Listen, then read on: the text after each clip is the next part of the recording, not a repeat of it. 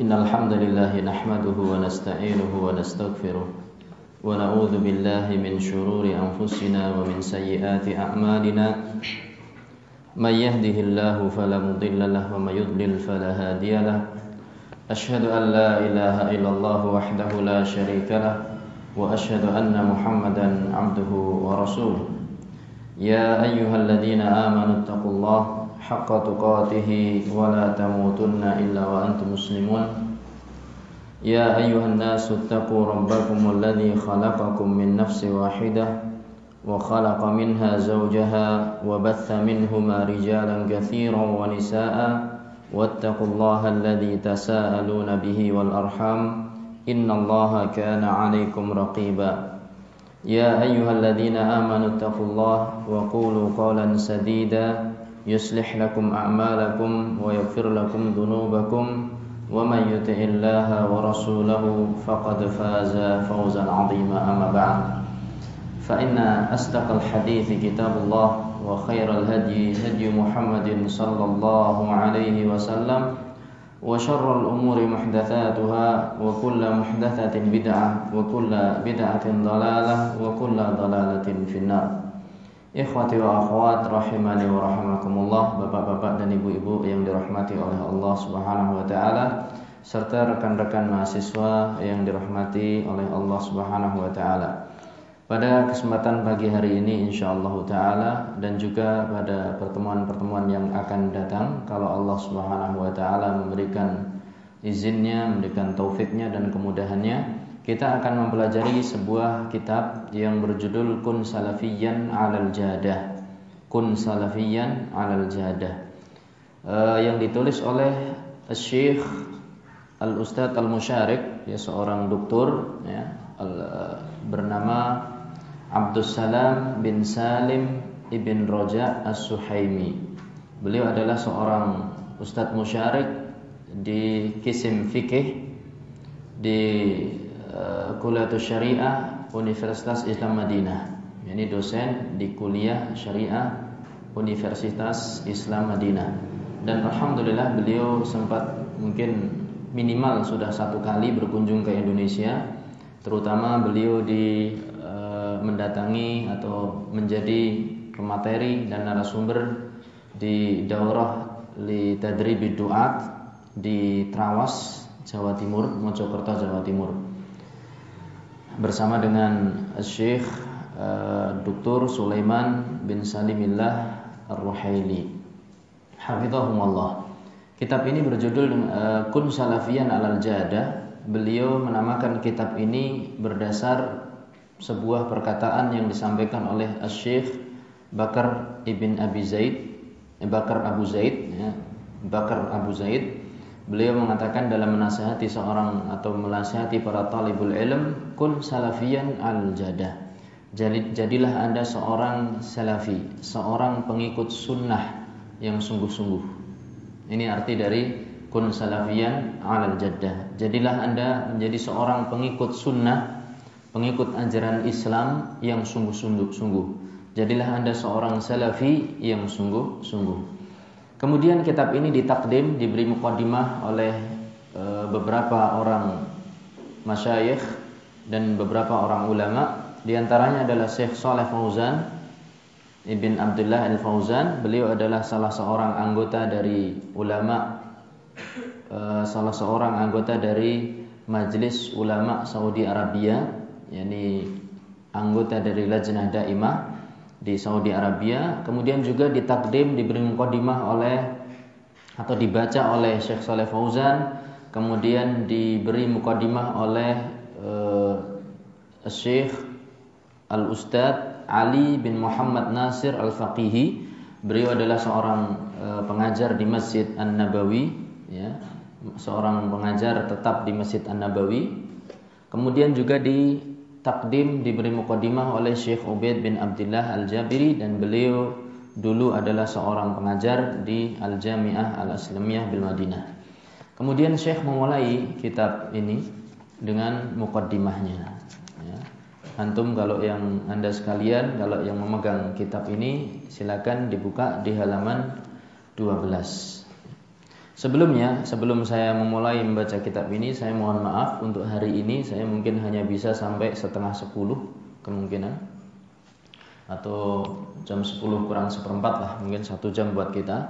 Allah taala alam. Kemudian untuk seterusnya saya mohon maaf sekali karena hari ini mungkin belum bisa untuk duduk bersama dengan antum bersama-sama untuk mempelajari uh, kitab ini. Sebetulnya saya ada keinginan untuk memulai lagi ba'da duhur Eh, sekitar jam setengah dua begitu.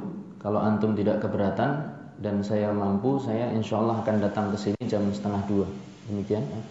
Setengah dua sampai jam setengah dua belas malam begitu. Ini setengah dua sampai asar insya Allah. Mudah-mudahan Allah memberikan kemudahan bagi kita untuk uh, apa namanya mendatangi tempat ini dan melanjutkan membaca kitab ini di waktu yang waktu itu adalah waktu istirahat. Sebetulnya memang pada duhur begitu jadwalnya ya pada duhur. Ya, mudah-mudahan saya setengah dua sudah bisa sampai sini antara setengah dua dan jam dua. Tapi saya usahakan insya Allah taala setengah dua insya Allah taala saya sampai di sini dan kita melanjutkan membaca kitab ini insya Allah taala. Itu untuk hari ini. Adapun untuk hari esok la ta'lamu nafsun madza taksibu ghadan wa la tadri nafsun madza taksibu ghadan se se se seorang jiwa tidak mengetahui apa yang akan bisa dia kerjakan besok hari. Tapi kita mohon mudah-mudahan Allah sudah memudahkan semua urusan sehingga kita bisa mulai pada pagi pagi hari insyaallah taala. Nah Syekh mengatakan di sini, qala al-muallifu hafizahullahu taala wa huwa syekhuna jami'an, dia itu adalah syekh kita semuanya Walaupun Anda belum bertemu dengan dia, tapi bisa seorang itu mengatakan dia itu seorang syekh ya, walaupun bukan dikatakan guru kita secara langsung, tapi boleh kita katakan dia syekhuna. Kata Syekhul Islam Ibnu Taimiyah, "Man afadaka bi syai'in fa huwa syaikhuka." Barang siapa yang memberikan satu faedah kepadamu, maka dia itu adalah syekh kamu. Ya, artinya bisa dikatakan itu adalah sebagai seorang syekh walaupun bukan dikatakan sebagai seorang guru yang kita mulazamah yang kita mengambil ilmu secara langsung ya akan tapi e, seorang yang telah memberikan faidah kepada kita maka bisa saja kita katakan hada syekhuna ya. Bukan untuk menyombongkan diri akan tapi adalah untuk apa? Bersyukur kepada orang tersebut ya bersyukur kepada orang tersebut. Karena tidak akan seorang itu bisa dikatakan bersyukur kepada Allah sampai dia bersyukur kepada hamba hamba Allah Subhanahu wa taala. La yashkurullah man la yashkurun nas. Tidak bisa dikatakan seorang bersyukur kepada Allah sampai dia itu bersyukur kepada orang yang telah berjasa kepada dia. Wa qala syekhuna hafizahullah taala Uh, beliau kemudian memberikan khutbatul hajah sebagaimana telah saya bacakan tadi. Kemudian beliau mengatakan, Amma ba'd. Faqad ba'athallahu nabiyahu Muhammadan sallallahu alaihi wasallam rahmatan linnas. Sungguh Allah Subhanahu wa taala telah mengutus nabinya Nabi Muhammad sallallahu alaihi wasallam sebagai rahmat bagi sekalian umat manusia. Fahada mabda'ut ta'lim. Ini adalah bidayah atau awal dari ta'lim. yakni pengajaran segala sesuatu, segala kebaikan itu harus dimulai dengan rahmah. Ya, harus dimulai dengan rahmah. Irhamu man fil ardi yarhamkum man fis sama. E, kasihlah segala sesuatu yang ada di bumi, niscaya Allah Subhanahu wa taala yang di langit akan mengasihi kalian. Nah, seorang yang akan mengajarkan kebaikan, maka dia harus menjadi rahmah bagi yang yang diajar yang bagi yang diajari. Oleh sebab itu, Allah Subhanahu wa taala mengutus Nabi Muhammad sallallahu alaihi wasallam sebagai rahmatan linnas sebagai pembawa kasih sayang kepada seluruh umat umat manusia. Allah Subhanahu wa taala berfirman, "Wa ma arsalnaka illa rahmatan lil alamin." Dan tidaklah kami utus engkau wahai Muhammad sallallahu alaihi wasallam illa kecuali rahmatan lil alamin sebagai pembawa rahmat bagi seluruh umat manusia. Bahkan Nabi Muhammad wasallam juga menunjukkan rahmatnya bukan hanya sebagai bukan hanya sebatas kepada orang-orang yang beriman bahkan dia menunjukkan rahmatnya kepada orang-orang yang tidak beriman dan juga bahkan Rasulullah SAW mengajarkan kita untuk memberikan rahmat memberikan kasih sayang kita kepada semua makhluk, hewan dan juga jamadat, makhluk-makhluk yang tidak bernyawa. Ini adalah ajaran Rasulullah sallallahu alaihi wasallam. Jadi kata-kata wa ma arsalnaka illa rahmatan lil alamin ini adalah seakan-akan hasr dan betul-betul hasr. Tidak lain tidak bukan Nabi Muhammad sallallahu alaihi wasallam diutus untuk membawa rahmat, bukan untuk membawa bencana, bukan untuk membawa uh, kesengsaraan, tidak akan tapi Rasulullah sallallahu alaihi wasallam diutus untuk membawa rahmat. Kemudian Syekh mengatakan wa ja'ala ummatahu ummatan wasata. Kemudian Allah Subhanahu wa taala menjadikan umat Nabi Muhammad sallallahu alaihi wasallam adalah umat wasata, yakni umat yang pertengahan, yang adil. Yani la yaghlu wa la yujafi, tidak hulu dan tidak meremehkan. E, berada di atas e, di, di pertengahan. Tidak dia ala ghuluwin wa mujawazah wala ala taqsirin wa tafritin. Dia tidak umat itu tidak terlalu berlebihan tidak pada kelompok yang ekstrim atas ataupun ekstrim bawah. Ini orang yang terlalu hulu berlebihan atau orang yang sangat meremehkan. Nah, Allah Subhanahu wa taala berfirman, "Wa kadzalika ja'alnakum ummatan wasata." Dan demikianlah kami jadikan kalian ummatan wasata, yakni umat yang adil, umat yang pertengahan. Litakunu syuhada'a 'alan nas supaya kalian itu menjadi saksi atas perbuatan yang dilakukan oleh semua manusia. Wa yakuna rasulu alaikum syahida dan supaya Rasul Nabi Muhammad sallallahu alaihi wasallam menjadi saksi atas kalian. Umat Nabi Muhammad sallallahu alaihi wasallam akan menjadi saksi diutusnya rasul-rasul sebelum Nabi Muhammad sallallahu alaihi wasallam. Kemudian setelah itu umat ini membutuhkan seorang saksi siapa yang mempersaksikan persaksian mereka kepada para rasul. Para rasul sebelum Nabi Muhammad SAW membutuhkan saksi, maka umat Islam ini akan bersaksi kepada mereka, yakni memperkuat kebenaran risalah para rasul sebelum Nabi Muhammad SAW. Tapi persaksian umat ini butuh seorang saksi dan saksi itu adalah Nabi Muhammad SAW. Silakan. Silakan mungkin nanti antum baca uh, penafsiran dari ayat surat Al-Baqarah 143 ini di tafsir Ibnu Ibnu Katsir. Syekh mengatakan ay udulan la yamiluna anil haqqi wala ila ghuluwin. Ya, mereka itu adalah udul, umat yang adil, yang tidak condong atau tidak menyimpang dari kebenaran. La yamiluna anil haqqi, tidak menyimpang dari kebenaran. La ila ghuluwin wala ila jafa tidak berlaku berlebihan dan juga tidak merendahkan dan meremehkan. Ini umat umat Islam. Ya, wa kadzalika ja'alnakum ummatan wasata. Umat yang tidak hulu dan umat yang tidak jafa. Umat umat yang tidak berlebihan, ya. Umat yang tidak berlebihan dalam akidah mereka, dalam ibadah mereka, dalam muamalah mereka dan juga tidak jafa, tidak berakidah, tidak bermuamalah dan tidak beribadah. Nah, tidak seperti itu. Tapi umat Islam ini adalah ummatan wasata, yakni udulan, la yamiluna alil haqqi wala la ila ghuluwin wala ila jafa. Yakni al al haq al haq hak itu berada di antara hulu dan jafa. Hadal maksud. Ya ini yang dimaksud. Jadi uh, umat Islam itu tidak menyimpang dari hak, tidak menuju ke hulu dan tidak menuju ke jafa. Fa'idha su'iltum kalau saya tanya kepada antum nanti pada pertemuan berikutnya apa yang dimaksud dengan umat Islam ini adalah umat wasato. Jawabnya adalah mudulan la yamiluna anil haqqi. Ya, umat yang adil yang tidak menyimpang dari kebenaran. Menyimpang ke mana? Menyimpang ke hulu ataupun menyimpang ke jafa. Nah, bal yatawassatun ya, bal yatawassatuna wa ya'tadilun wa ya'tadilun dan bahkan mereka berada di tengah dan mereka adil, iktidal, yakni berlaku berlaku tengah. Kemudian Syekh mengatakan, "Id dinul Islami qad naha 'anil ghuluwi wal jafa." Karena agama Islam telah melarang umatnya untuk berbuat hulu, yakni berlebihan dan berbuat jafa, yakni meremehkan. Wa amara bitawassuti wal i'tidali fil umuri kulliha dan bahkan agama Islam ini telah memerintahkan untuk tawassut, untuk berlaku tengah, berlaku iktidal, berlaku sedang fil umuri kulliha dalam segala macam urusannya.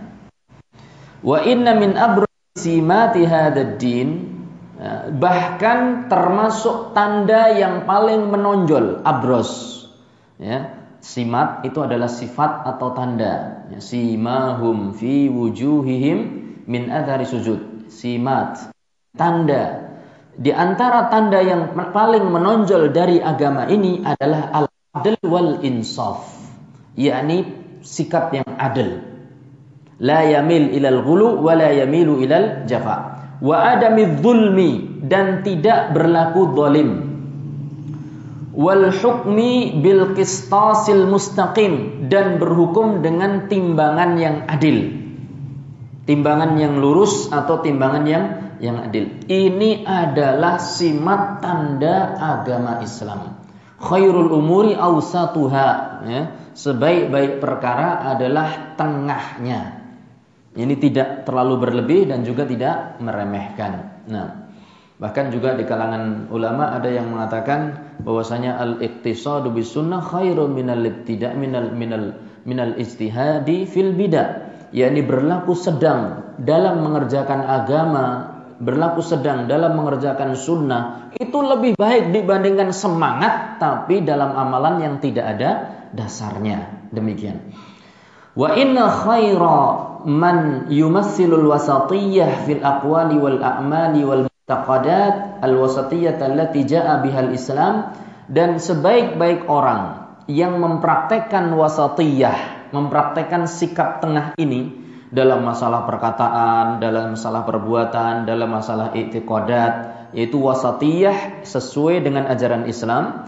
Khairu man yumathiluha, orang yang paling baik dalam mempraktekannya, hum ahlus sunnati wal jamaah. Mereka adalah ahlus sunnah wal wal jamaah. Alladzina tamassalul islam fi jami'i umurihim yang mana mereka mempraktekkan semua ajaran Islam dalam semua aspek kehidupan mereka.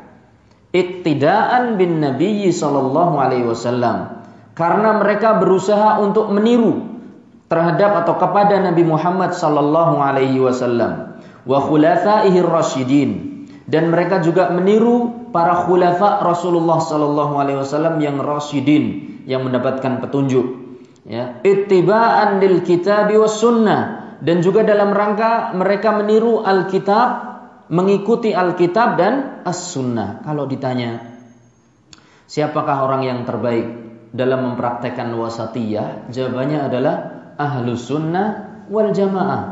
Kenapa mereka orang-orang yang terbaik dalam mempraktekkan wasatiyah? Karena mereka berusaha menerapkan petunjuk Nabi Muhammad Sallallahu Alaihi Wasallam dalam semua kehidupan mereka dan juga berusaha menerapkan semua petunjuk para khulafa ar-rasyidin. Dan mereka senantiasa berusaha untuk mengikuti Alkitab dan dan Sunnah. Wifqa fahmi salafil ummah mereka mengikuti petunjuk Alkitab dan Sunnah sesuai dengan pemahaman salaful ummah. Salafnya umat ini. Ini orang-orang terdahulu dari umat ini. Ya sebetulnya kata-kata salaf itu bukan sesuatu yang asing ya sesuatu yang asing bahkan kalau kita lihat dari pondok-pondok kita di sekitar kita itu pondok ada namanya pondok salafiyah ya.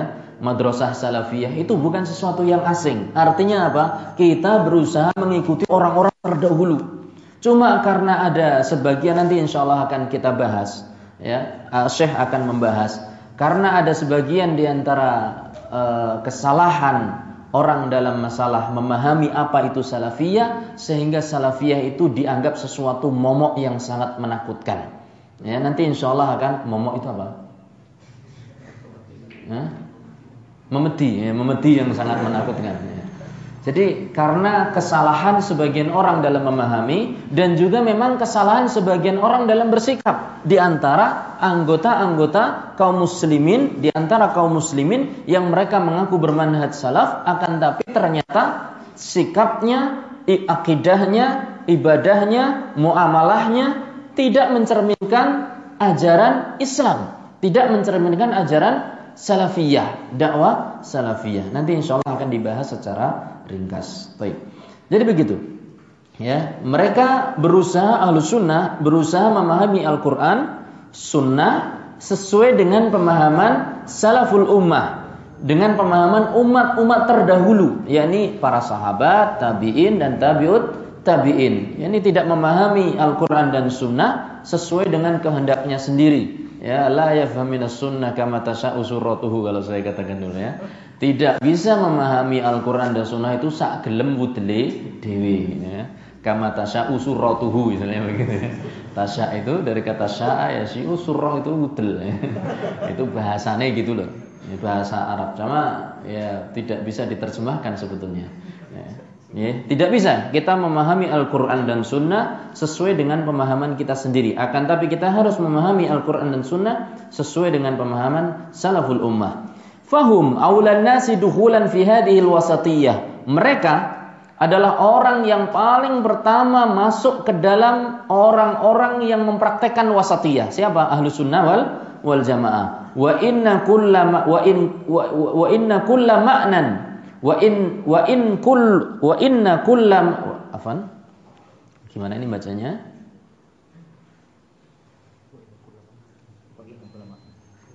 Nah, wa inna kulla ma'nan. Ya, ini majrur ya. Nah, Wa inna kulla ma'nan min ma'anil wasatiyah sabata li hadhil ummah. Dan bahwasanya semua makna semua makna dari makna-makna yang terkandung dalam wasatiyah sikap tengah tadi itu ya sikap udul. Sabata li hadhil ummah tepat berlaku untuk umat ini. Fali ahli sunnati wal jamaah minhul hadzul awfar. Bahwasanya setiap sikap wasatiyah yang dia terdapat di dalam umat ini, maka ahlu sunnah wal jamaah telah memborong jumlah yang sangat besar. Ya, dia adalah orang atau satu jamaah yang paling banyak mempraktekkan wasatiyah. Ya. Karena ahlu sunnah wal jamaah wal Islam. Ahlu sunnah wal jamaah itulah agama agama Islam. Wa nasibul a'la dan dia adalah uh, ahlu sunnah wal jamaah adalah orang-orang yang mendapatkan bagian yang paling tinggi dalam sikap sikap wasatiyah. Wa madzaka illa li'annahum al-anmudaj al-amsal lil ummah dan tidaklah hal itu terjadi. Yani tidaklah ahlu sunnah wal jamaah itu adalah orang-orang yang paling banyak mempraktekkan wasatiyah kecuali dikarenakan mereka itu adalah satu contoh yang paling bagus untuk umat ini allati ja'alaha Allahu ummatan wasata yang telah dijadikan oleh Allah Subhanahu wa taala ummatan wasata. Ya, udulan. Sebagian kelompok ada yang mengatakan ummatan wasata itu umat yang berada di tengah-tengah garis apa namanya ini? Apa? Yang itu loh, apa? Yang Indonesia itu Pak? Ah, Katulistiwa. Ini adalah penafsiran yang ngawur. Ya ta'awaruna fit tafsir. Ya mereka ngawur dalam masalah tafsir ya ta'awarun mereka ngawur dalam masalah tafsir betul umatan wasato itu katanya Indonesia ini umatan wasato kenapa karena mereka terletak di atas garis katulis tiwa. Lah kok nggak yang lain saja? Misalnya samudra apa itu adalah umatan wasato, ikan-ikannya itu juga umatan wasato, ya? Tidak, umatan wasato adalah umatan udula, umat yang udul, yang seperti saya katakan tadi la ya, yang dikatakan oleh Syekh la ya miluna anil haqqi. Tidak condong kepada eh, tidak condong dari kebenaran. Tidak condong kepada hulu dan tidak condong kepada jafa nah wa madzaka illa li annahu al mudaj al amsalu lil ummati allati ja'alaha Allahu ummatan wasata wa akhbara annaha khairu ummatin ukhrijat lin nas dan Allah Subhanahu wa taala telah mengabarkan kepada kita bahwasanya umat ini adalah khairu ummatin ukhrijat linnas. Sebaik-baik umat yang dikeluarkan untuk umat manusia. Ya, ahlu sunnah wal jamaah itu adalah uh, a'rafuhum billah wa arhamuhum bil khalq. Ahlu sunnah wal jamaah adalah orang-orang yang paling mengenal Allah. Dia mengenal Allah dari akidah rububiyahnya, akidah uluhiyahnya, tauhid rububiyahnya, tauhid uluhiyahnya, tauhid asma wa sifat. Wabitali kemudian dia itu adalah orang yang paling rahim, paling sayang kepada pada para makhluk. A'rafuhum billah wa arhamuhum bil khalqi. A'rafuhum bil khaliqi wa arhamuhum bil makhluqi. Dia ahlu sunnah wal jamaah adalah orang yang paling kenal Allah dan orang yang paling kasih sayang kepada makhluk. Nah, maka dikatakan di sini khairu ummatin ukhrijat linnas. Kuntum khairu ummatin ukhrijat linnas. Cuma memang ada syaratnya sebagaimana seorang atau bagaimana seorang itu ingin menjadikan atau menjadi dirinya ingin menjadi khairu ummah adalah dengan syarat yang disebutkan oleh Allah Subhanahu wa taala ta'muruna bil ma'ruf wa tanhauna 'anil munkar wa tu'minuna billah. Itu syarat supaya kita ini menjadi khairu khairu ummatin ukhrijat linnas. Makanya Umar bin Khattab mengatakan man man man man uh, man sarra man sarra man ahabba an yakuna min hadhihi al-ummah falyuaddi syartallahi fiha. Barang siapa yang ingin menjadi kelompok umat ini, yakni kelompok umat yang terbaik, maka hendaklah dia melaksanakan syarat yang disebutkan oleh Allah dalam ayat tadi. Kuntum khaira ummatin ukhrijat linnas. Kalian adalah manusia yang dikeluarkan oleh Allah untuk manusia, untuk umat manusia ini.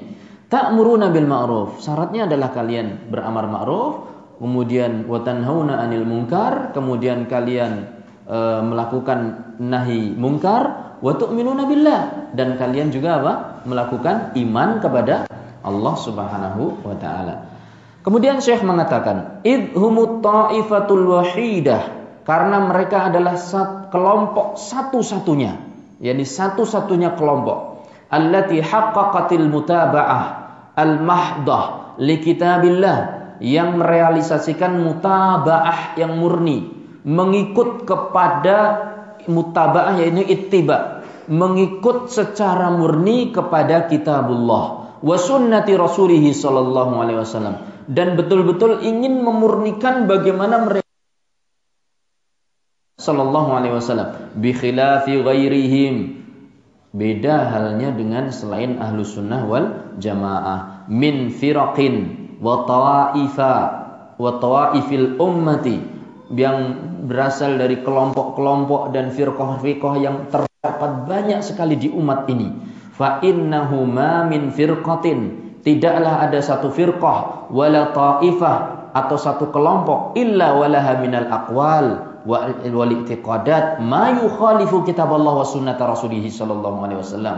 Pasti kelompok itu memiliki perkataan atau i'tiqad ya perkataan atau ikut keyakinan yang menyelisih kitabullah dan sunnah Nabi Muhammad sallallahu alaihi wasallam. Satu contoh misalnya nanti akan disebutkan oleh Syekh bagaimana ada satu kelompok yang dia itu jelas iktikadnya salah. Masalah bagaimana mengkafirkan pelaku dosa besar, yaitu orang-orang khawarij misalnya secara ringkas seperti itu. Kemudian misalnya satu kelompok uh, uh, taruhlah qadariyah ya taruhlah qadariyah yang dia itu mengatakan bahwasanya Allah Subhanahu wa taala tidak mengetahui segala sesuatu sebelum sebelum terjadi. Atau taruhlah satu kelompok yang mengatakan dikatakan jabriyah mengatakan bahwasanya setiap orang itu ya sebagaimana sebuah pohon ya ke mana saja angin bertiup maka dia akan mengikuti manusia tidak memiliki kehendak sama sama sekali. Misalnya begitu.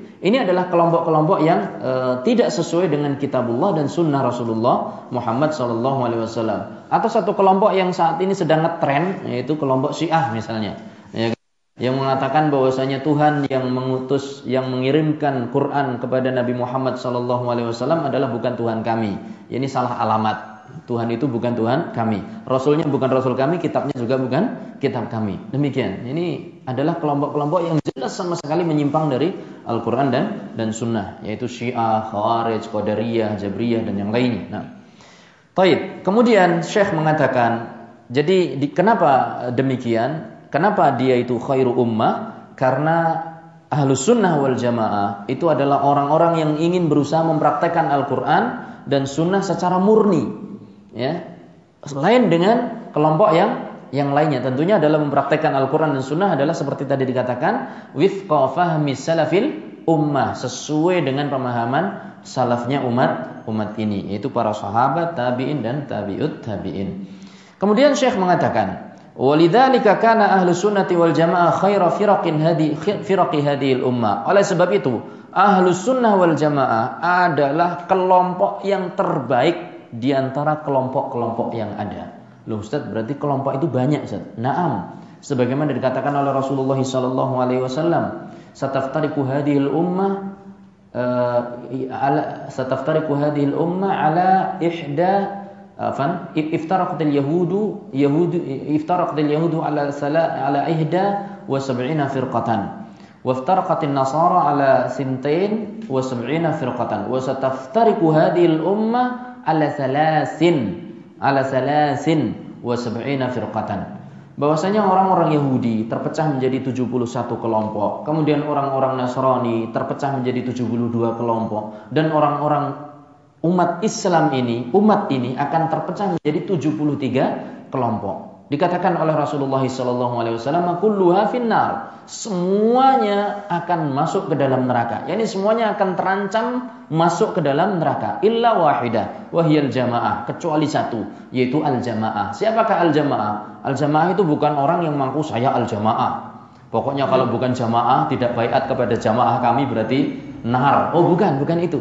Al jamaah adalah ahlu sunnah wal jamaah yang mereka berusaha menerapkan Al-Quran, sunnah ala fahmi salafi al-ummah. Dan kita berharap, kita berharap kita berusaha untuk menjadi orang-orang semacam ini. Walaupun anda sendirian di tengah hutan misalnya, fa'antal jamaah. Ya, in kunta in kunta alal haqqi fa'antal jamaah walau kunta. Kalau engkau tetap berada di atas hak, ya, maka engkau adalah jamaah meskipun satu. Jadi kalaupun anda sendirian di tengah hutan tidak ada kecuali qirodah wal khanazir, ya, tidak ada kecuali kera dan babi, fa antal jamaah in kunta alal hak. Kalau anda itu berada di atas kebenaran, jadi nggak usah khawatir. Jangan dikatakan jamaah itu harus baiat, jamaah itu harus punya imam yang dibaiat atau punya doktrin yang mengatakan di luar jamaah itu berarti kafir. Tidak. Fa anta 'alal haqqi fa idza kunta 'alal haqqi fa antal jamaah. Maka kalau engkau berada di atas kebenaran maka engkau adalah al jamaah. Nah. Kemudian Syekh mengatakan di sini ya walidzalika kana ahlu sunnati khaira firaqi hadhihi ummati wa awsatu tawaifiha dan dia itu adalah uh, kelompok yang pertengahan fahumut ta'ifatul mansurah. Dia itu adalah kelompok yang akan mendapatkan pertolongan. Ini adalah nama lain dari al-jamaah yaitu at-ta ahlu sunnah wal jamaah atau at-ta'ifah al-mansurah atau ta'ifah an-najiyah. Wahumul firqatun najiyah.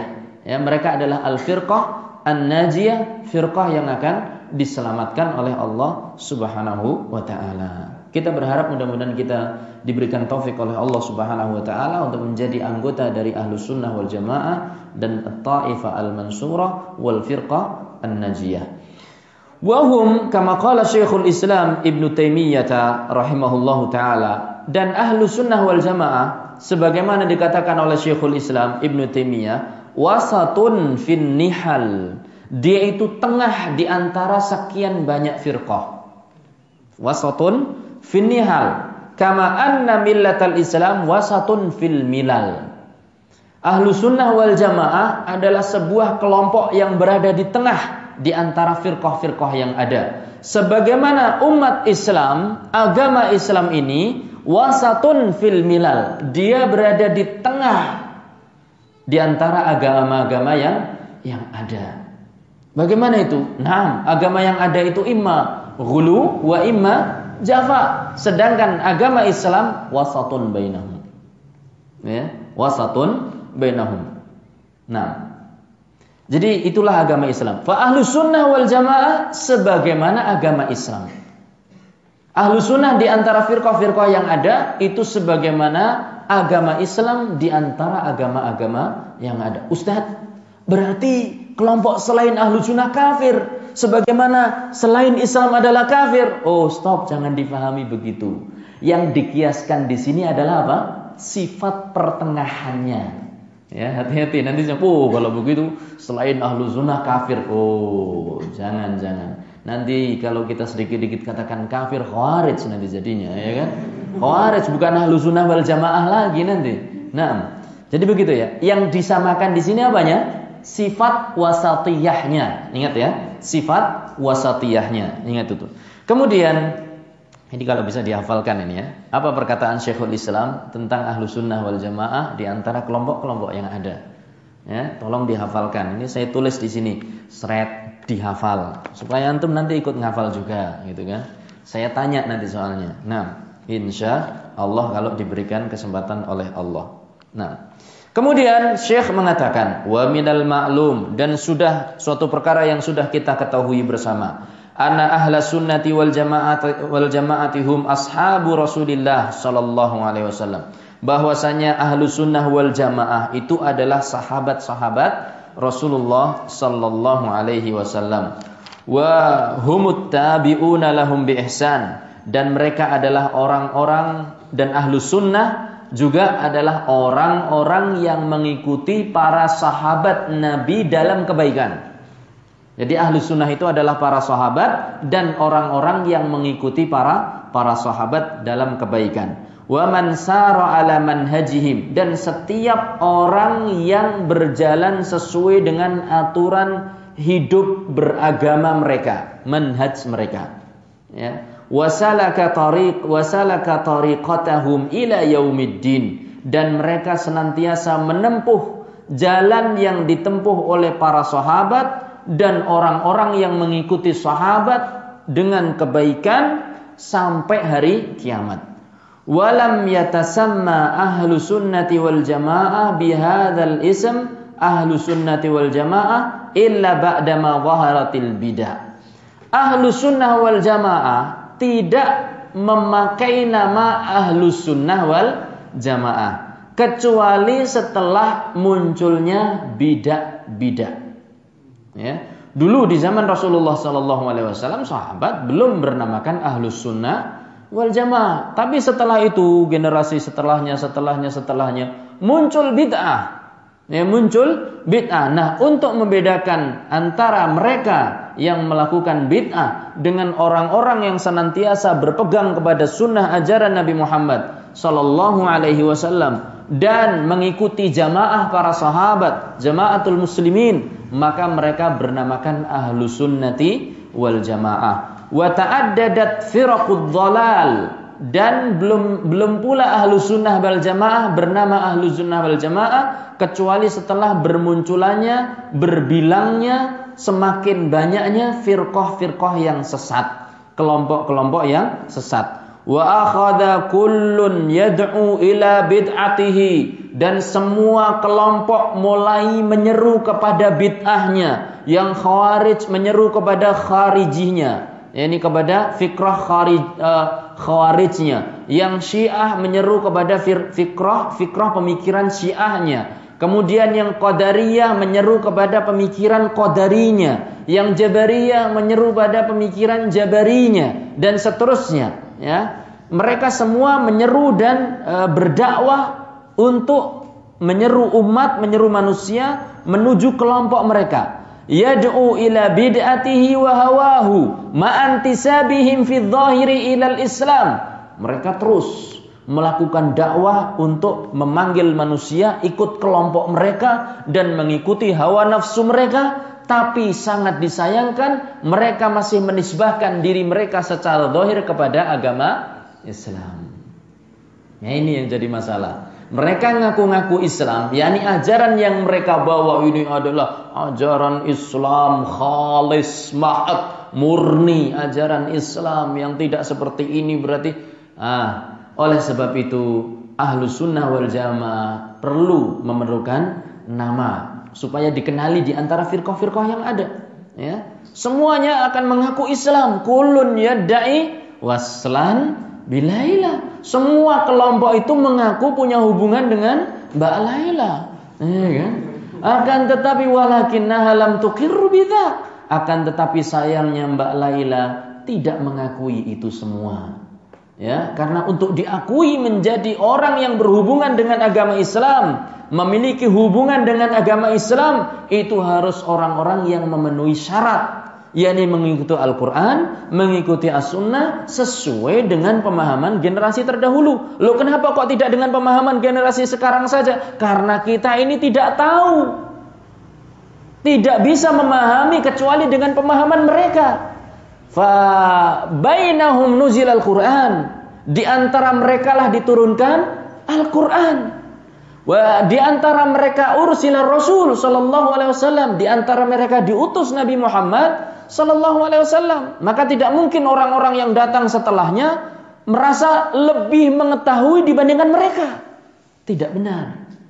Nah, nanti insya Allah akan dibahas bahwasanya sebaik-baik umat adalah sahabat Nabi Muhammad sallallahu alaihi wasallam dan juga tabiin, eh, tabiut tabiin. Nah, kemudian Syekh mengatakan, dan ini pentingnya ya, pentingnya kenapa ahlu sunnah wal jamaah bernama ahlu sunnah wal jamaah karena sudah munculnya banyak firqah yang yang sesat yang masing-masing menyeru kepada uh, ajaran mereka, hawa nafsu mereka, tapi mereka masih mengatakan bahwasanya apa?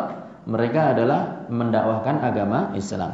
Minhuna dari sinilah kana labudda li ahli haqqi an yu'rafu bi asma'in tumayyizuhum an ghairihi min ahli ibtida'i wal inhirafi fil aqidah dari sinilah maka e, para pemeluk kebenaran harus diketahui dengan sebuah nama atau dengan nama-nama yang bisa membedakan mereka dari yang lainnya dari kelompok-kelompok yang melakukan ibtida, melakukan perbuatan-perbuatan bid'ah dan kelompok-kelompok yang melakukan inhiraf, penyimpangan-penyimpangan di dalam masalah akidah.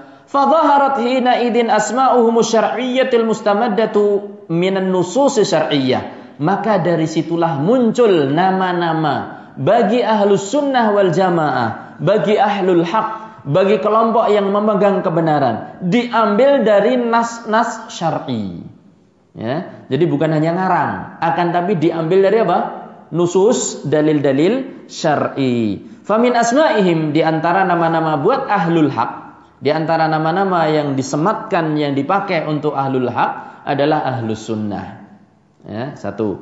Kemudian juga wa ahlus sunnati wal jamaah. Ini kedua. Kemudian yang ketiga adalah ketiga di antaranya adalah al firqatun najiyah. Ya.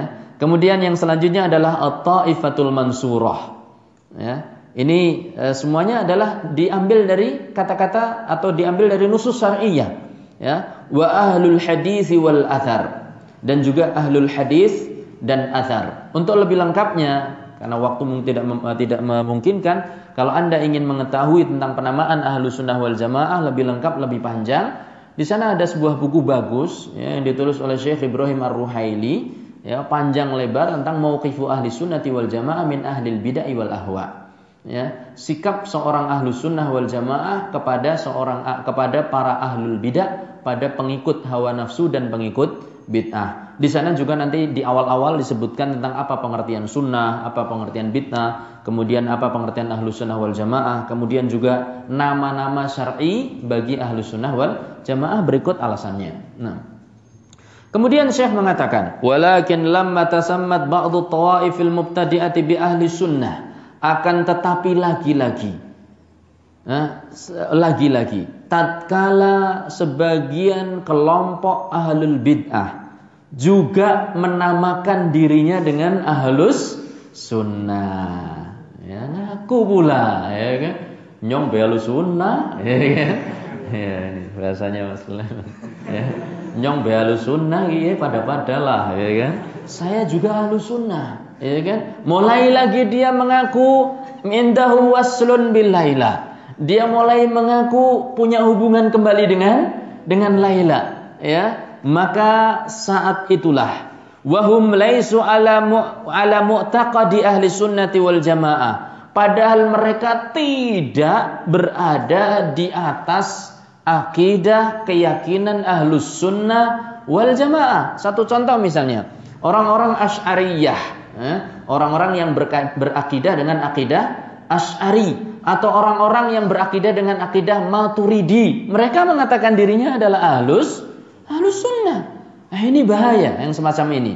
Ya. Mereka mengatakan pengikut Al-Imam Asy-Syafi'i, tapi mereka sesungguhnya menyelisihi eh, manhaj Al-Imam Asy-Syafi'i. Padahal Imam Asy-Syafi'i adalah ahlus sunnah wal jamaah bukan Asy'ari bukan Maturidi ya nah nanti insya Allah akan ada perkataan dari uh, muassis pendiri dari kerajaan uh, Saudi Arabia yang selama ini kerajaan Saudi Arabia itu dituduh sebagai Wahabi Nanti apa perkataan dia akan kita dengarkan bersama insyaallah taala. Nah, tatkala orang-orang sebagian ahlul bid'ah juga menamakan dirinya dengan perkataan atau dengan nama ahlus sunnah, maka ya fa min huna maka dari sinilah tasamma ahlus sunnati wal jamaah bis salafiyyin.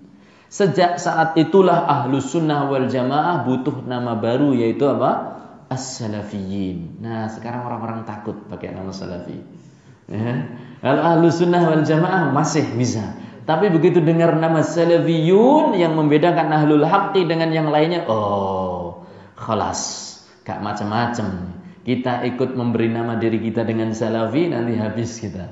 Ya, karena mereka sudah dari awal menghabiskan salafi. Walhamdulillah, tamayyaza ahlul haqqi bihadal ism min khairihi. Sekarang muncullah ahlul haqqi dengan nama yang membedakan dia dengan yang lainnya. Apakah kita sudah salafi? Kita berharap. Apakah saudara-saudara kita uh, juga salafiyun? Kita berharap dan kita berdoa dan kita berusaha. Ya.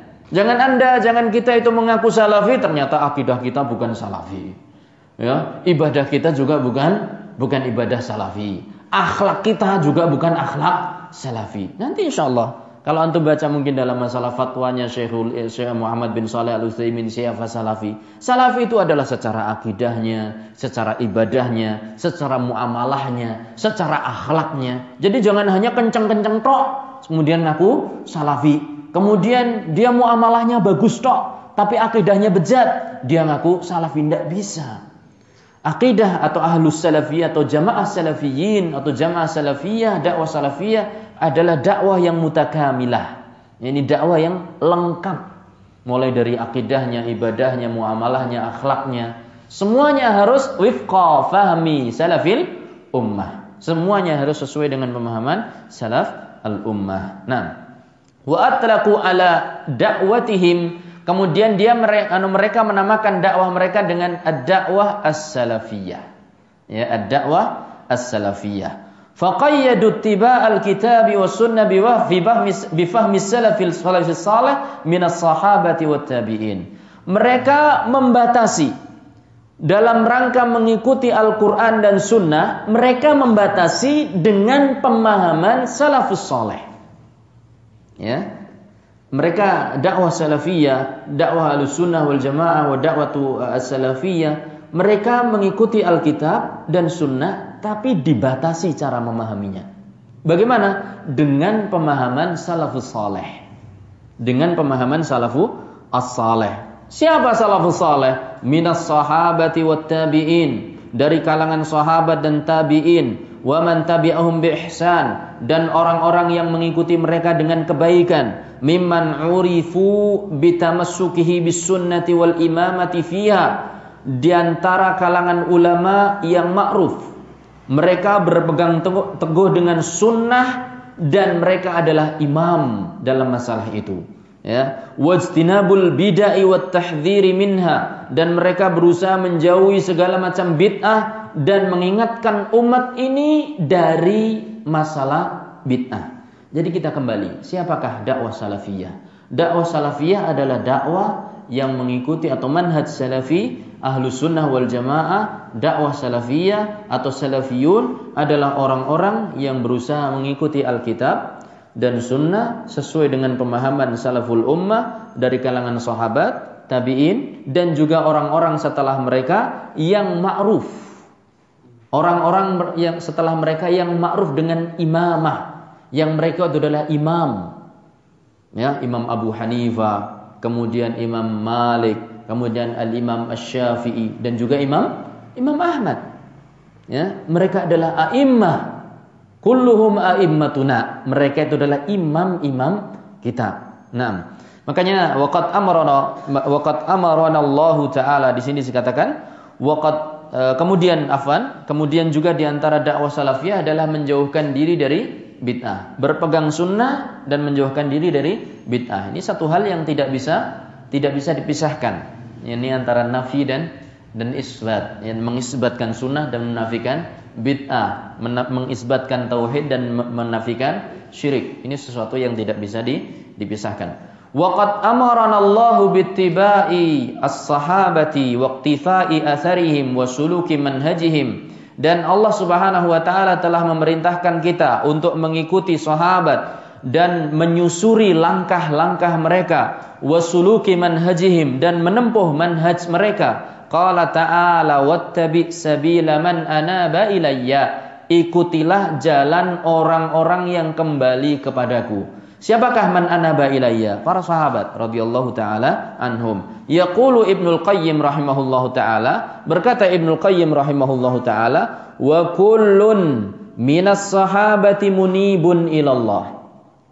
Dan setiap sahabat itu adalah orang-orang yang munib ilallah, kembali kepada Allah. Fayajibu tiba'u sabilihi, maka wajib untuk mengikuti jalan dia, yakni jalan para para sahabat. Wa aqwaluhu wa i'tiqadatuhu min akbari sabilih.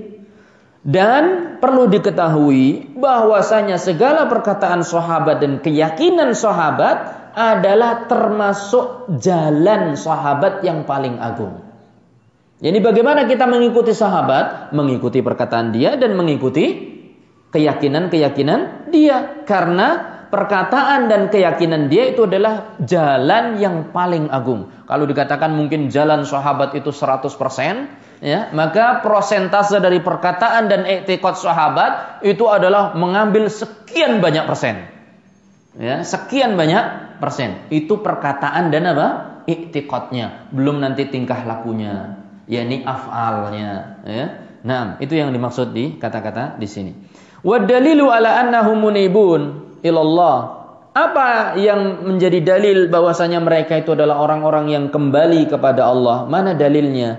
Kok eh, sahabat dikatakan kullun minas sahabati munibun ilallah fayajibu tibau sabilihi. Setiap dari orang sahabat, setiap anggota sahabat itu adalah orang yang munib kembali kepada Allah. Apa dalilnya? Annallaha qad hadahum. Dalilnya adalah Allah Subhanahu wa taala telah menunjuki mereka. Waqad qala Allah Subhanahu wa taala berfirman, "Wa yahdi ilaihi man yunib." Dan mereka adalah orang-orang yang ditunjuki oleh Allah Subhanahu wa taala. Wa yahdi ilaihi dan Allah menunjukkan kepada jalannya man yunib, orang-orang yang kembali kepadanya. Kemudian juga perlu diketahui ada dalil yang mungkin perlu antum sertakan dalam surat Al-Baqarah di akhir surat Al-Baqarah. Uh, amanar rasulu bima unzila ilaihi mir rabbih wal mu'minun. Ya. Ar-Rasul sallallahu alaihi wasallam telah beriman. Amanar rasulu bima unzila ilaihi. Ar-Rasul Muhammad sallallahu alaihi wasallam telah beriman kepada apa yang diturunkan kepadanya. Wal mu'minun, demikian juga semua orang beriman. Kullun, lihat.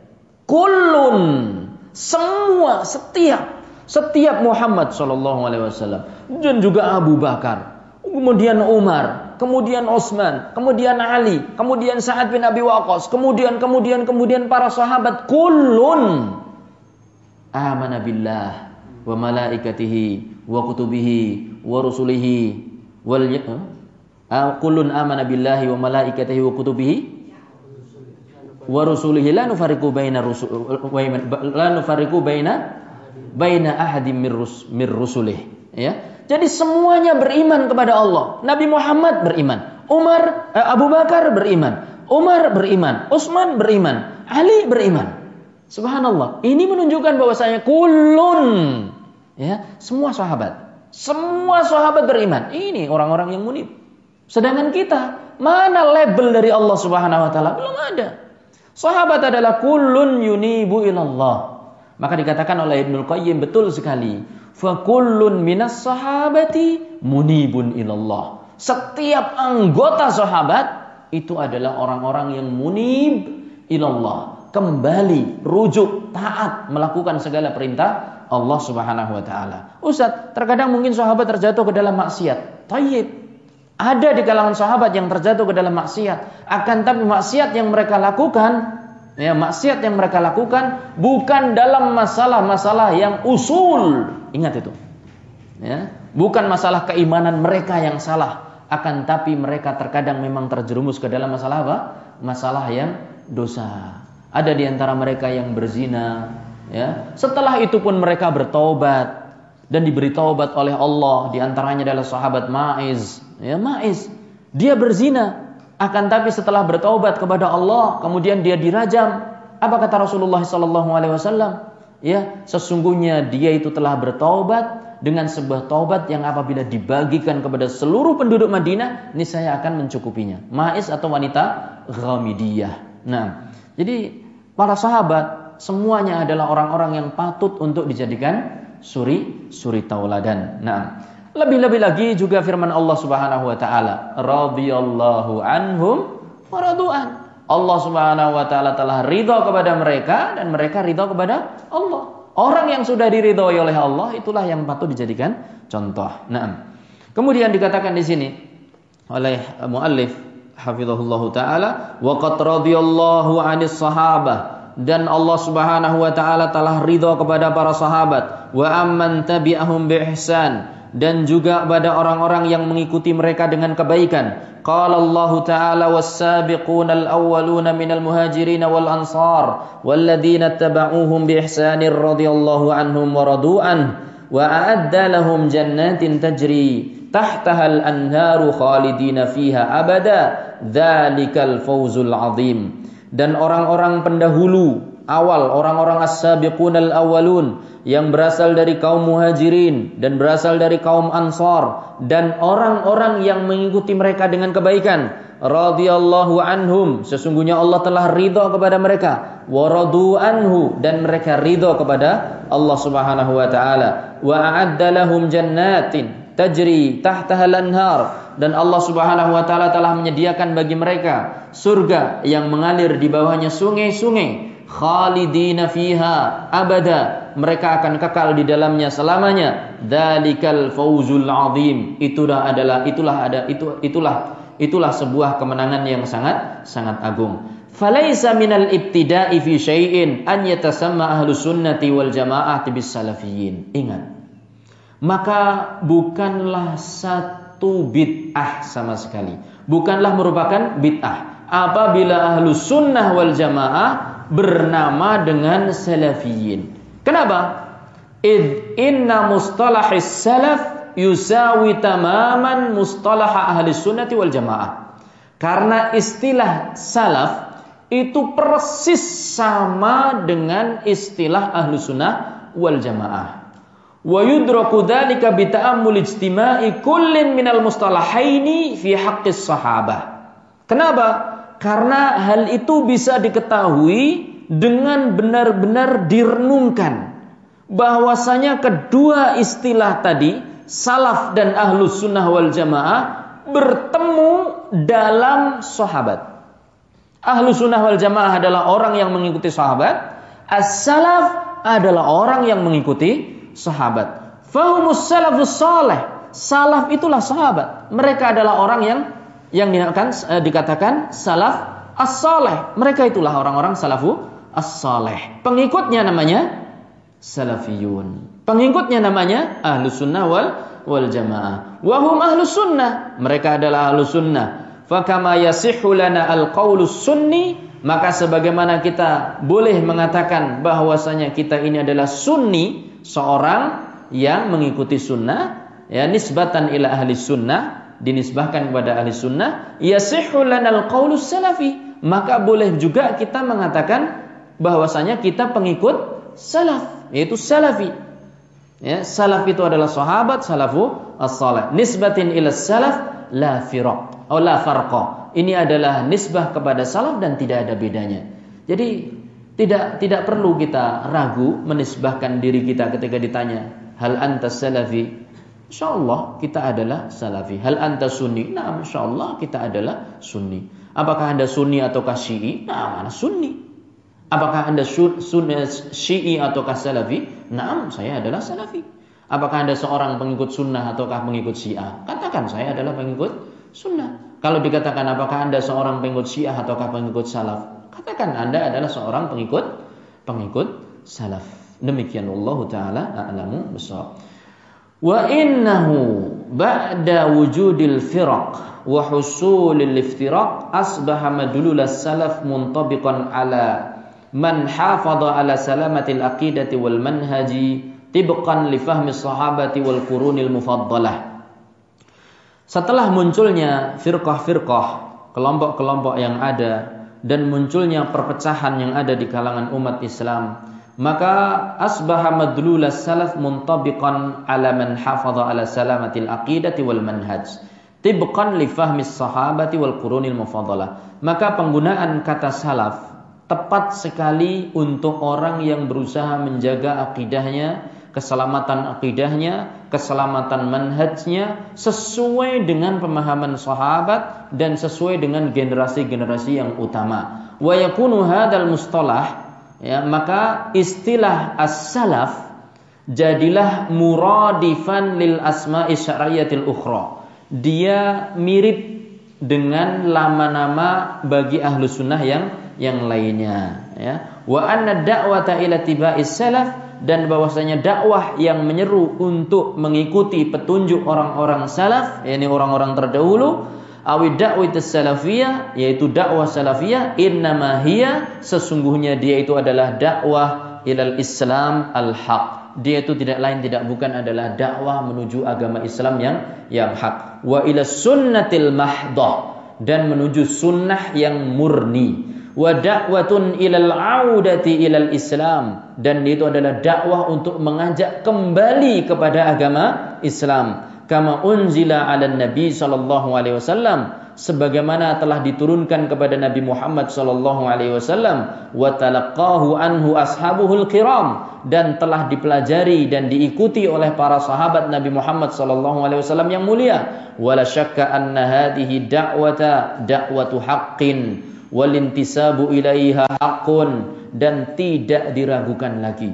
bahwasanya dakwah salafiyah adalah dakwah yang benar dan intisab menisbahkan diri kepada salaf adalah penisbahan diri yang yang benar. Yaqulu Syekhul Islam Ibn Taimiyah. Syekhul Islam Ibn Taimiyah berkata, "La aiba ala man adhara madhhab salaf." Tidak ada aib, ya, bukan merupakan aib bagi orang yang menampakkan madhab madhab salaf. Ya, tidak ada aib bagi orang yang menampakkan madhab salaf. Wantasaba ilaihi dan menisbahkan diri kepadanya. Wahtazza ilaihi awitazza ilaihi atau merasa mulia dengan uh, dakwah salafiyah. Bal yajibu qabulu dzalika minhu. Ya bahkan wajib untuk menerima pengakuan orang tersebut. Bahkan wajib untuk menerima perkataan tersebut, orang tersebut. Artinya apa? Kalau ada orang mengatakan dakwah yang benar adalah dakwah salaf, yaitu mengikuti petunjuk para sahabat dan tabi'in dan tabi'ut tabi'in, maka kita harus menerima.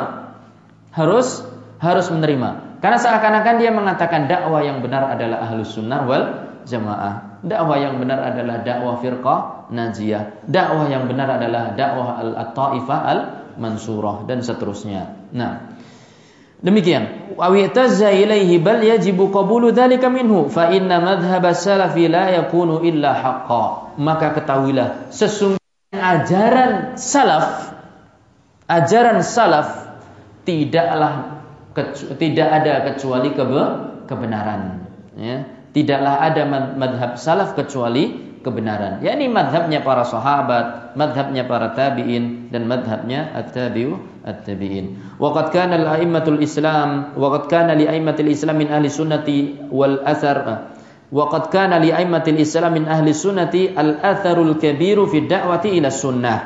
Dan para ulama-ulama Islam di kalangan ahlu sunnah wal jamaah mereka telah memberikan jasa yang sangat besar dalam dakwah kepada sunnah. Wal audah ila tariqis salaf.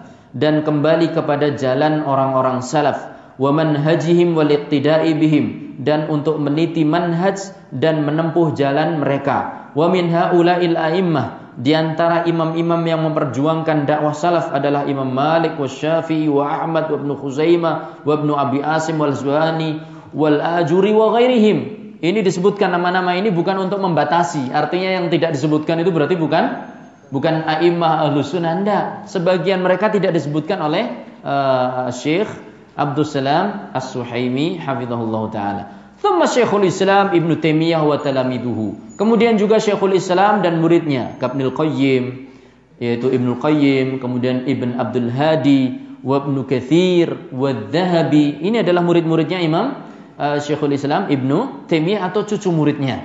Ya, imam muridnya atau cucu muridnya. Nah, thumma Syekhul Islam Muhammad bin Abdul Wahab. Kemudian juga adalah Syekhul Islam Muhammad bin Abdul Wahab. Ini yang menjadi momok ya, terkadang menjadi momok yang mengatakan bahwasanya salafiyah itu adalah wahabiyah bukan dakwah salaf itu adalah dakwahnya para sahabat ya bukan dakwahnya Syekh Muhammad bin Abdul Wahab dakwahnya Syekh Muhammad bin Abdul Wahab itu adalah dakwah salaf yakni kembali merajut dakwah salaf yang hampir pudar ya.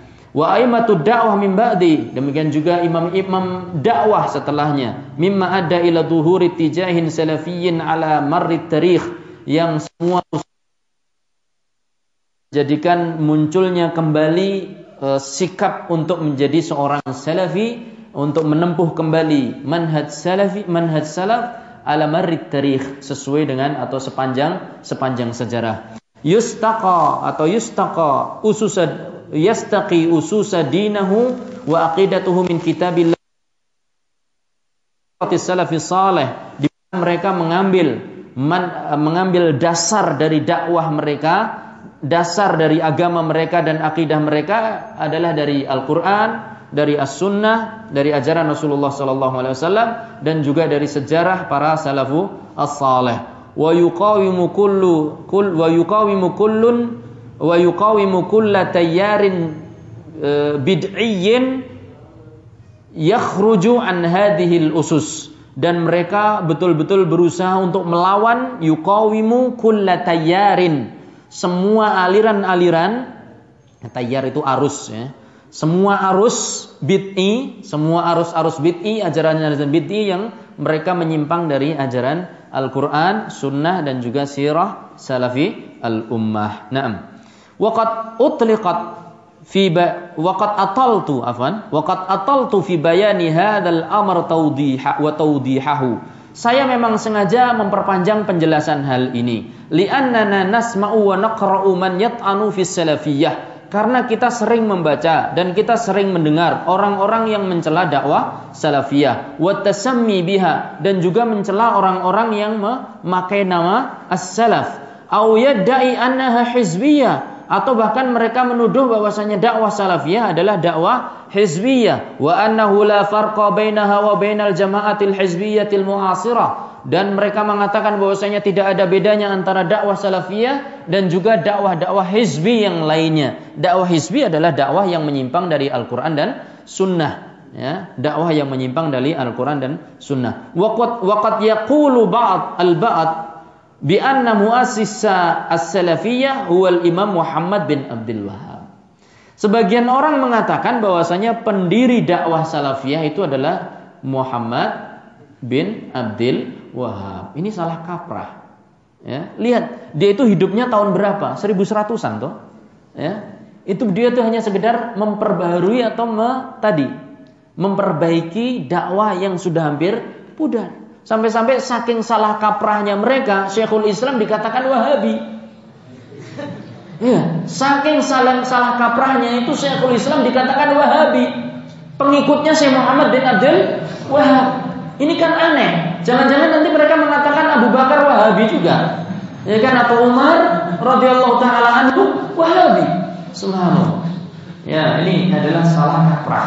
Ya, memang ada nama yang mirip dengan Syekh Muhammad bin Abdul Wahab dan dia itu e, namanya Abdul Wahab, ya, namanya Abdul Abdul Wahab. E, dia itu memang e, memiliki akidah yang sesat Abdul Wahab itu. Bukan bapaknya Syekh Muhammad bin Abdul Wahab, tapi Abdul Wahab yang lain.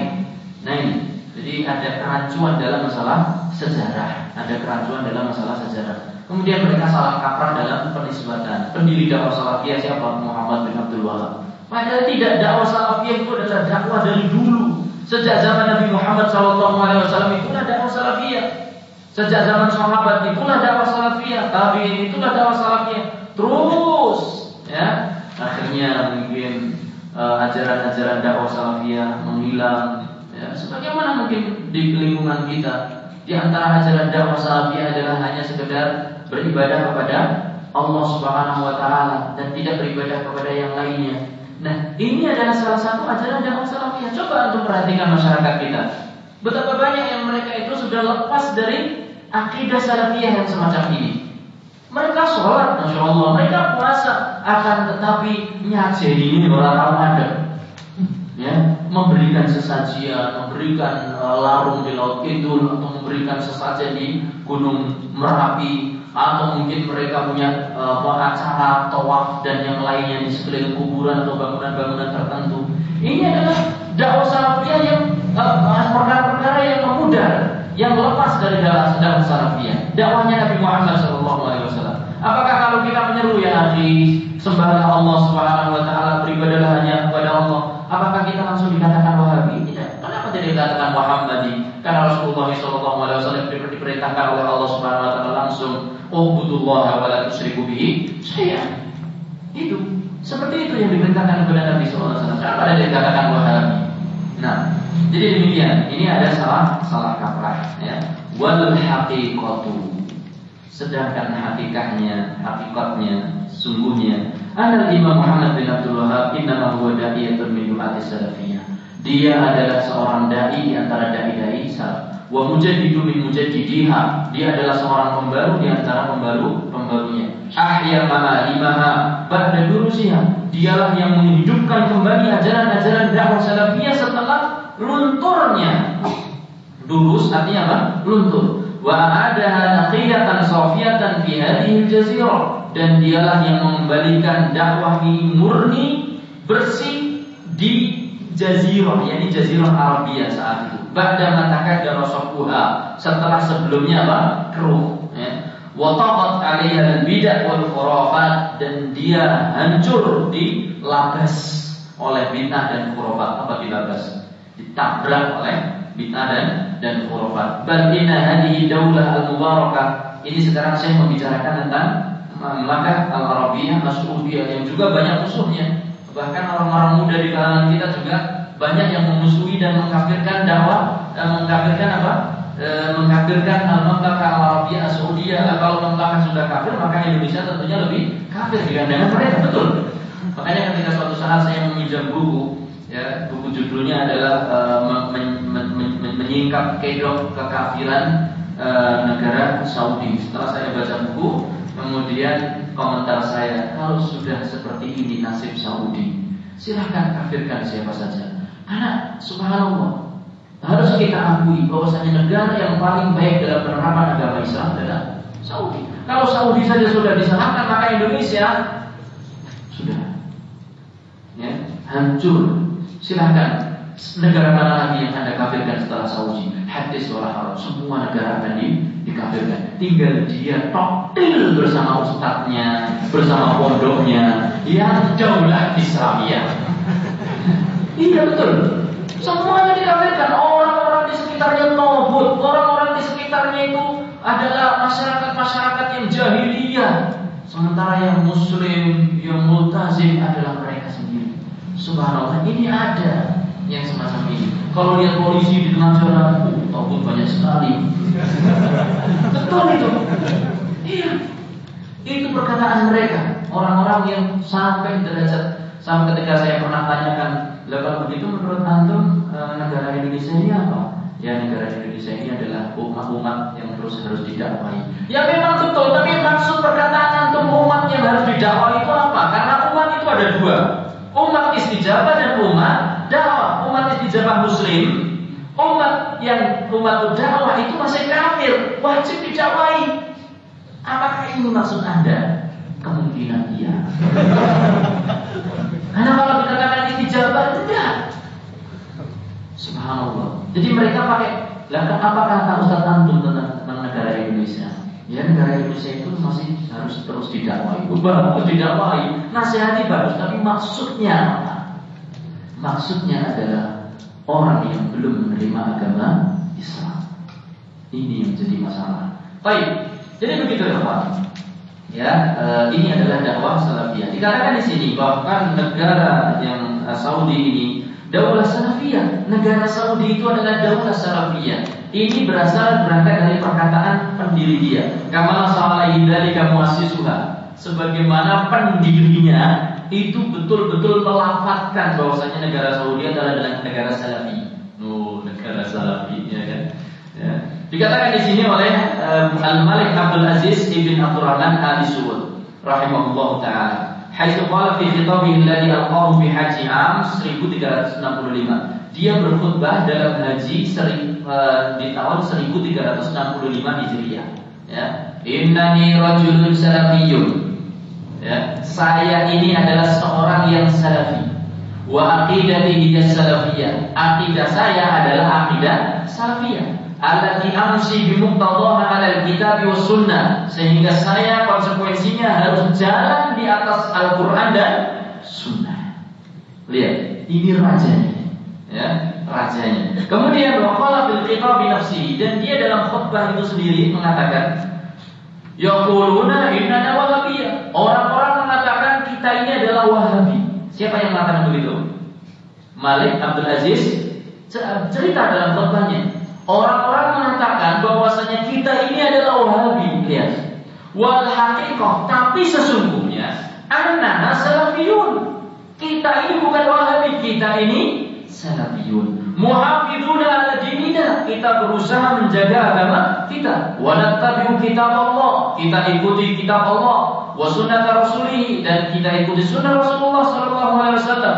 Wa laisa bainana wa bainal muslimin illa kitabullah wa sunnat rasulih sallallahu alaihi wasallam. Tidak ada bagi kita dan bagi umat Islam kecuali hanya berpegang teguh kepada Al-Quran dan, dan Sunnah. Lihat. Jadi negara Saudi adalah negara Salafi, ya, bukan Wahabi. bukan Wahabi. Tujuan orang-orang saja oh, sudah dibantah oleh rajanya langsung. Loh kok dia Wahabi. Gimana ini? Ini loh perkataannya. Orang yang Anda tuduh mengatakan dia bukan Wahabi. Dia itu adalah Salafi. Ya demikian Allah Taala alamu bisawab. Insyaallah akan kita lanjutkan pada pertemuan yang akan datang apabila Allah Subhanahu wa taala memberikan kesempatan. Wallahu taala alamu bisawab. Sallallahu ala nabiyina Muhammad alamin. Wa bihamdika asyhadu an la ilaha illa anta astaghfiruka wa atubu ilaik. Assalamualaikum warahmatullahi wabarakatuh. Pada mukadimah awal-awal mukadimah beliau mengatakan bahwasanya Allah Subhanahu wa taala telah mengutus Nabi Muhammad sallallahu alaihi wasallam sebagai rahmatan lil alamin, sebagai penyebar rahmat di kalangan alam semesta. Kemudian juga umat beliau, umat Nabi Muhammad sallallahu alaihi wasallam dijadikan umat yang wasata, umat yang wasat, umat yang pertengahan. Apa arti umat wasata? Yaitu udulan, la yamiluna anil haqqi umat yang udul, umat yang jauh dari kemaksiatan, umat yang jauh dari kefasikan. Mereka tidak menyimpang dari al-haq, tidak melakukan perbuatan yang hulu dan tidak melakukan perbuatan jafa. Tidak berlebih-lebihan dalam satu perkara dan tidak meremehkan ajaran Nabi Muhammad sallallahu alaihi wasallam dan bahkan dikatakan oleh Syekh Hafizahullah Ta'ala bahwasanya hulu dan jafa adalah dua perkara yang dilarang dalam agama Islam.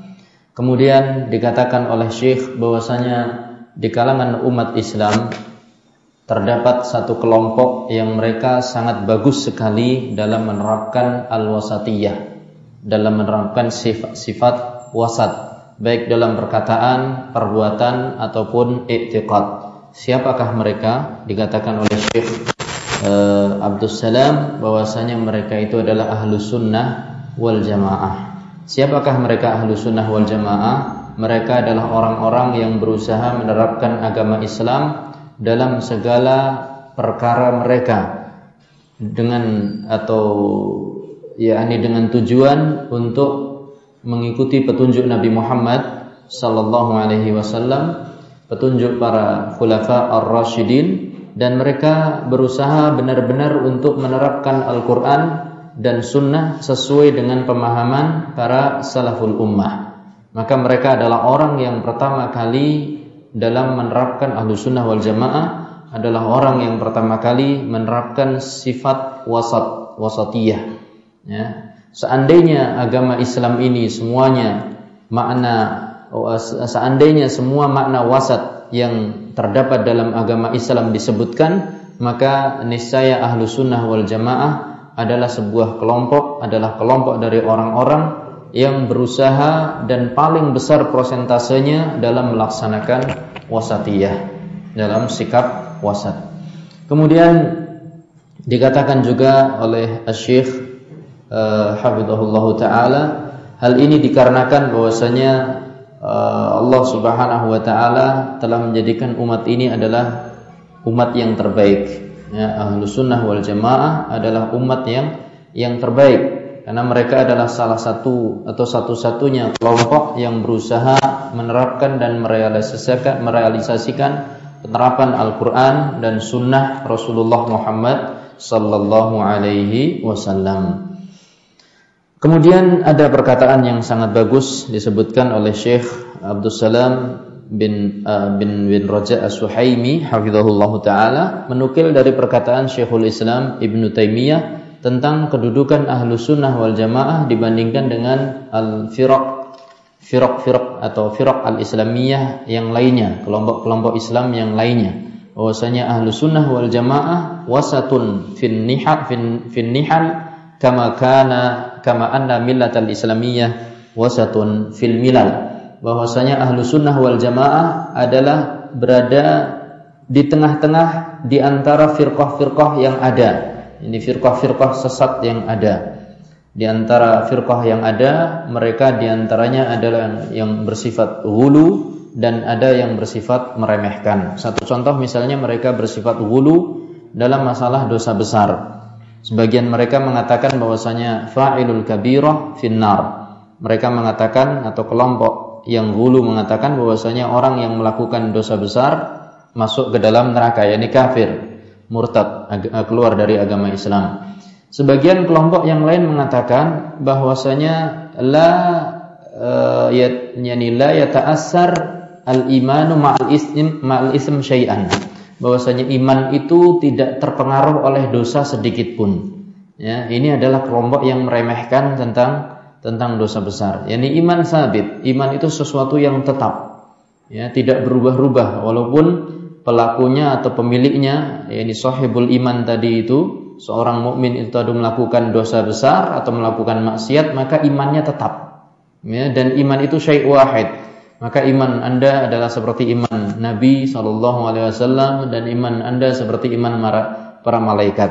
Ya. Adapun ahlu sunnah wasatun bainahuma dia berada di tengah di antara keduanya yaitu ahlu sunnah wal jamaah mengatakan bahwasanya al imanu yang kusu yazidu wa yang kus yaitu bisa naik dan bisa bisa turun demikian itu di antara sifat wasat dari ahlu sunnah wal jamaah dalam menyikapi uh, apa masalah uh, masalah iman atau dosa dosa besar demikian juga di antara mereka ada yang menyikapi qadar secara berlebih-lebihan sehingga di antara mereka mengatakan bahwasanya manusia itu menentukan perbuatannya sendiri.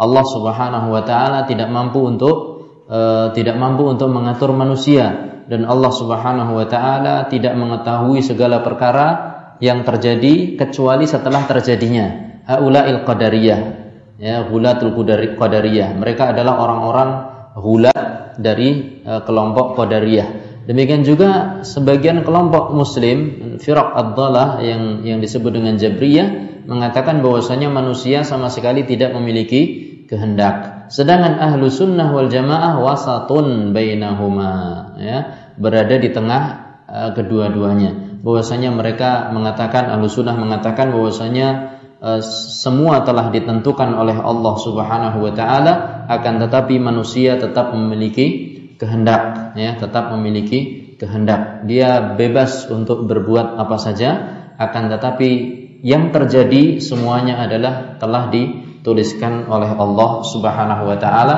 dengan uh, iradah uh, iradah uh, kauniyah qadariyah ya dengan iradah kauniyah qadariyahnya. Baik. Kemudian uh, Syekh mulai mengatakan atau masuk ke dalam masalah ahlul haq atau ahlu sunnah wal jamaah di sana disebutkan memiliki beberapa nama di antara nama dari ahlu sunnah wal jamaah adalah ahlu sunnah, kemudian juga ahlu sunnah wal jamaah dan al firqah an najiyah dan at taifah al mansurah, kemudian juga ahlul hadis wal athar. Ya, semua nama-nama ini adalah mustamad mustamaddatun uh, minan nususi syar'iyyah, diambil dari nas-nas syar'i. Kemudian tatkala banyak sekali kelompok-kelompok yang menamakan dirinya menjadi ahlu sunnah wal jamaah maka saat itu perlu kita membedakan atau perlunya ahlul haq membedakan dirinya dari kelompok-kelompok sesat yang ada sehingga mereka kemudian menyebut dirinya memberikan nama kepada dirinya dengan salafiyin yakni salafiyin mereka menyebut e, dakwah yang mereka e, lakukan dengan dakwah salafiyah ya dengan dakwah salafiyah dan yang dimaksud dengan salaf adalah salafus saleh. Ya, salaf adalah salafus saleh yaitu para sahabat dan tabi'ut tabi'in atau tabi'in dan tabi'ut tabi'in. Wa man tabi'ahum bi ihsan ila yaumiddin.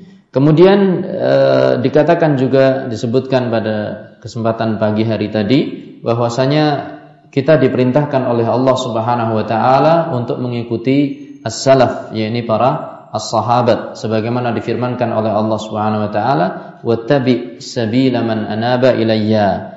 Uh, ikutilah jalan orang yang inabah kembali kepadaku. Dan dikatakan bahwasanya kullun minas sahabati munibun ilallahi azza wa jalla fayajibu ittiba'u sabilih dan semua sahabat Nabi Muhammad sallallahu alaihi wasallam adalah orang-orang yang munib orang-orang yang kembali kepada Allah Subhanahu wa taala sehingga wajib bagi kita untuk mengikuti petunjuk atau jalan para para sahabat.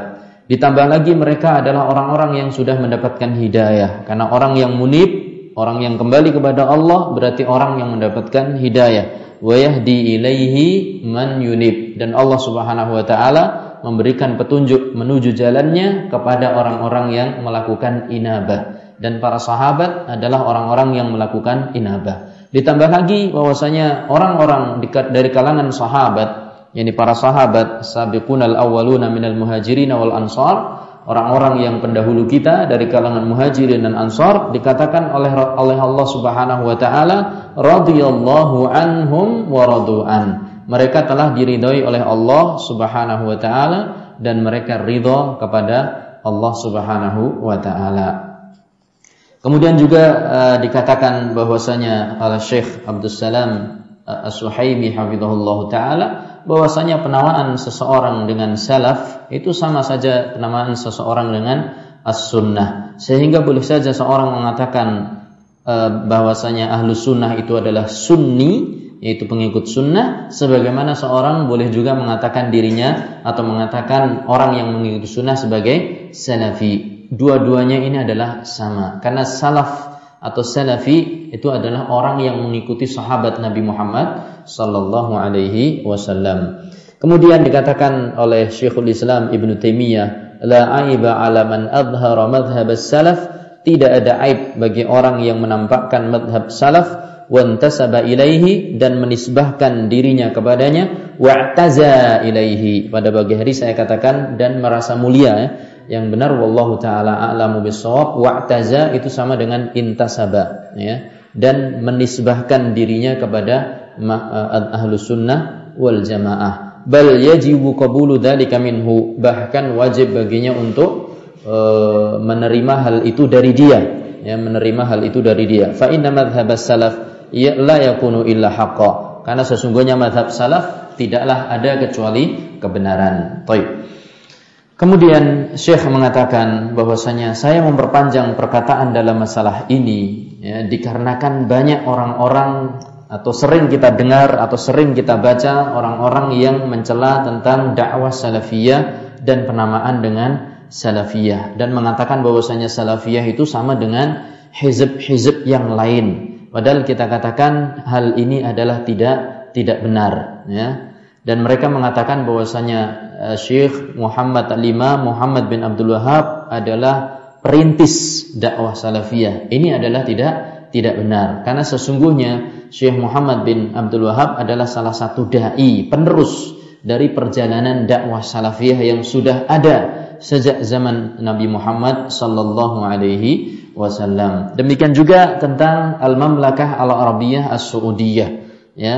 Mereka itu adalah negara yang berdasarkan madhab salaf dan bukan wahabi dan bukan wahabi sebagaimana dikatakan oleh pendirinya yaitu uh, Al-Malik Abdul Aziz bin Abdurrahman Al Suud beliau mengatakan dalam khutbatul uh, khutbatu uh, khutbah dalam hajinya tahun 1365 dia mengatakan innani rajulun salafi wa aqidati hiya salafiyah saya adalah seorang salafi dan adik akidah saya adalah akidah salafiyah dan saya berjalan sesuai dengan konsekuensi tuntutan dari Al-Qur'an dan dan sunnah. Kemudian dia juga mengatakan eh, rahimahullahu taala Raja uh, Malik Abdul Aziz Abdurrahman Al Suud uh, beliau mengatakan bahwasanya sebagian orang mengatakan bahwasanya kita yakni orang-orang di Saudi Arabia dikatakan bahwasanya orang-orang Arab itu Wahabi.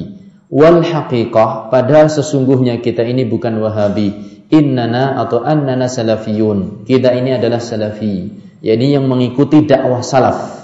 Bukan mengikuti dakwah Syekh Muhammad bin Abdul Wahab. Syekh Muhammad bin Abdul Wahab hanya sekedar meneruskan meneruskan saja. Muhafiduna ala dinina kita berusaha menjaga agama kita. Wa nattabi'u kitaballahi wa sunnata rasulih dan kita berusaha mengikuti sunnah ajaran Allah dan ajaran Rasulnya sallallahu alaihi wasallam. Wa laisa bainana wa bainal muslimina illa kitaballah wa sunnatu Rasulillah sallallahu sunnata Rasulillah sallallahu alaihi wasallam. Dan tidak ada di antara kita dan di antara kaum muslimin yakni pegangan kita sama yaitu Al-Qur'an dan sunnah tidak wajib yang lainnya. Yang wajib bagi kita yang kita jadikan pegangan adalah Alkitab dan As-Sunnah. Kemudian Syekh Abdul Salam mengatakan fal mamlakatu qamat 'ala al-islami al-haqqi al-mabni 'ala kitabillah wa sunnati rasulih sallallahu alaihi wasallam wafqi fahmi salafil ummah. Maka negara Arab Saudi berdiri di atas agama Islam yang hak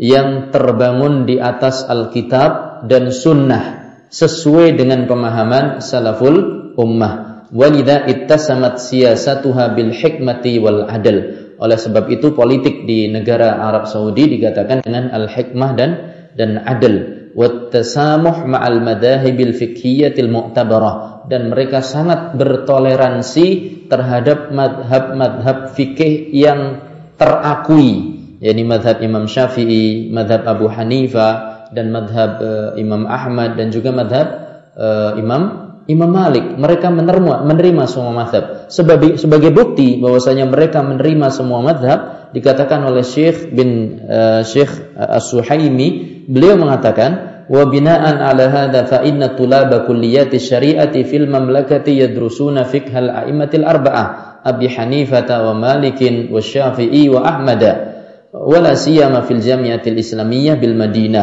لأن الخلاف بين هذه المذاهب بين هذه المذاهب ليس في العقيدة وإنما في الفروع وإنما في الفروع في الفروع الفقهية. Oleh sebab itu, kata Syekh Abdul Salam Suhaimi, oleh sebab itu, maka mahasiswa-mahasiswa kuliah syariah di kerajaan Arab Saudi, mereka mempelajari fikih imam-imam yang empat ya fikih imam-imam yang yang empat. Yakni fikhul muqaran fikih perbandingan madhab. Itu dipelajari. Ya salah satu muqarrar yang diajarkan di kuliah syariah adalah bidayatul mujtahid. Ya bidayatul mujtahid. Itu dipelajari. Dan itu juga dipelajari di pondok-pondok Indonesia. Sama sebagaimana juga dipelajari di Al-Mamlakah Al-Arabiyah As-Saudiyah. Jadi sama. Kalau dikatakan bahwasanya Mamlakah Al-Arabiyah yang dipelajari hanya madhab Hambali tidak. Tidak benar yang dipelajari adalah semua madhab. Akan tapi mereka merojehkan satu pendapat tidak berdasarkan taklid madhabi. Akan tetapi ittiba'ud dalil. Maka terkadang ketika para mahasiswa mempelajari fikih muqaran, terkadang mereka merojehkan satu pendapat yang di situ notabene adalah perkataan Abu Hanifah. Terkadang mereka merojehkan satu pendapat yang notabene itu adalah pendapatnya Imam Malik. Terkadang mereka merojehkan pendapatnya Al-Imam Asy-Syafi'i dan terkadang mereka merojehkan pendapatnya Imam Ahmad. Fa innama ghayatuhum dalil ya tujuan mereka adalah dalil. Jadi bukan hanya sekedar taklid madhabi. Ini sangat menarik sebetulnya. Ya, ini adalah sangat sangat menarik ya e, sebagai bantahan bagi orang-orang yang mengatakan bahwasanya lulusan-lulusan apa namanya e, al-mamlakah al-arabiyah as-saudiyah mereka diajari fik, e, taklid atau fanatik kepada madhab hambali. Tidak benar. Semua madhab di, dipelajari. Oleh sebab itu dikatakan di sini ya mereka mempelajari mazhab Imam Abu Hanifah dan Imam Malik dan juga Al-Imam Asy-Syafi'i dan Imam Ahmad wala siyama fil Jami'atil Islamiyah bil Madinah. Terlebih lagi di Universitas Islam Al-Madinah ya.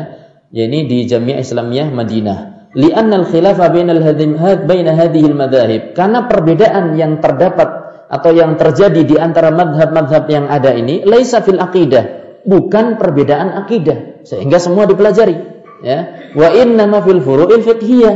Akan tetapi perbedaan yang terjadi adalah masalah furu' fiqhiyah. Ini perbedaan masalah masalah fikih. Jadi ini adalah sesuatu yang yang ringan. Nah sampai-sampai dikatakan di sini yaqulul Malik Abdul Aziz rahimahullahu taala bahkan raja kerajaan Arab Saudi mengatakan walladzi namshi alaihi huwa tariqus salafis salih Jalan yang kita tempuh adalah jalan salafu as-saleh. Wala nukaffiru ahadan illa man kaffarahu Allah wa rasuluhu. Kita sama sekali tidak mengkafirkan seorang pun kecuali orang tersebut telah dikafirkan oleh Allah dan Rasulnya. Yani kita tidak akan mengkafirkan seorang pun Eh, kecuali kita tidak akan mengafirkan siapa saja kecuali orang-orang yang telah dikafirkan oleh Allah dan dan Rasulnya. Yani di sana ada dobit, ada dawabit bahkan ya, ada dawabit, ada uh, kaidah-kaidah dalam mengkafirkan seseorang. Kan sering ada perkataan bahwasanya Wahabi, ya, orang-orang Salafi itu adalah orang yang paling mudah mengkafirkan seseorang. Tidak seperti kita katakan bahwasanya ahlu sunnah a'rafuhum wa a'lamuhum billah wa arhamuhum bil khalq. Ahlu sunnah adalah orang yang paling kenal dengan Allah dan paling rahmat kepada makhluk. Ya, ahlu sunnah paling rahmat kepada kepada makhluk. Lihat bagaimana Rasulullah sallallahu alaihi wasallam. Ula adalah ahlu sunnah, bahkan Rasulullah sallallahu alaihi wasallam adalah kepala dari ahlu sunnah ya, kemudian juga para sahabat. Mereka tidak mudah-mudah mengkafirkan seseorang. Demikian juga tabi'in dan tabi'ut tabi'in. Demikian juga imam-imam kita sampai masyayikh kita tidak mudah sama sekali mengatakan kafirnya seseorang. Lihat bagaimana Al-Imam Ahmad misalnya yang dia dijuluki sebagai imam ahlu sunnah wal jamaah yang dia mengatakan bahwasanya man qala bi annal Qur'an kalamul bi annal Qur'an makhluk fa huwa kafir. Barang siapa yang mengatakan Al-Qur'an itu adalah makhluk maka dia kafir. Tapi raja di zaman dia ya khalifah di zaman dia ya, siapa? Al siapa? Hah? di zamannya Imam Ahmad? Al-Ma'mun ya, Al-Ma'mun, Khalifah Ma'mun di zaman dia, dia mengatakan bahwasanya Al-Qur'an itu adalah makhluk dan menyebarkan madhab dia. Tapi ya ketika disiksa, ketika disiksa, Imam Ahmad bahkan sama sekali tidak mengkafirkan dia. Dia mengatakan ya Amirul Mukminin. Ketika didesak Imam Ahmad oleh uh, Khalifah Ma'mun untuk mengatakan bahwasanya ya Imam Ahmad katakanlah bahwasanya Al-Qur'an itu adalah makhluk ya katakan ya katakan kalau Al-Qur'an itu makhluk. Maka Imam Ahmad mengatakan ya Amirul Mukminin wahai Amirul Mukminin dia tidak mengatakan ya Amirul Dallal. Ya ya kafaratul fasiqin. Tidak.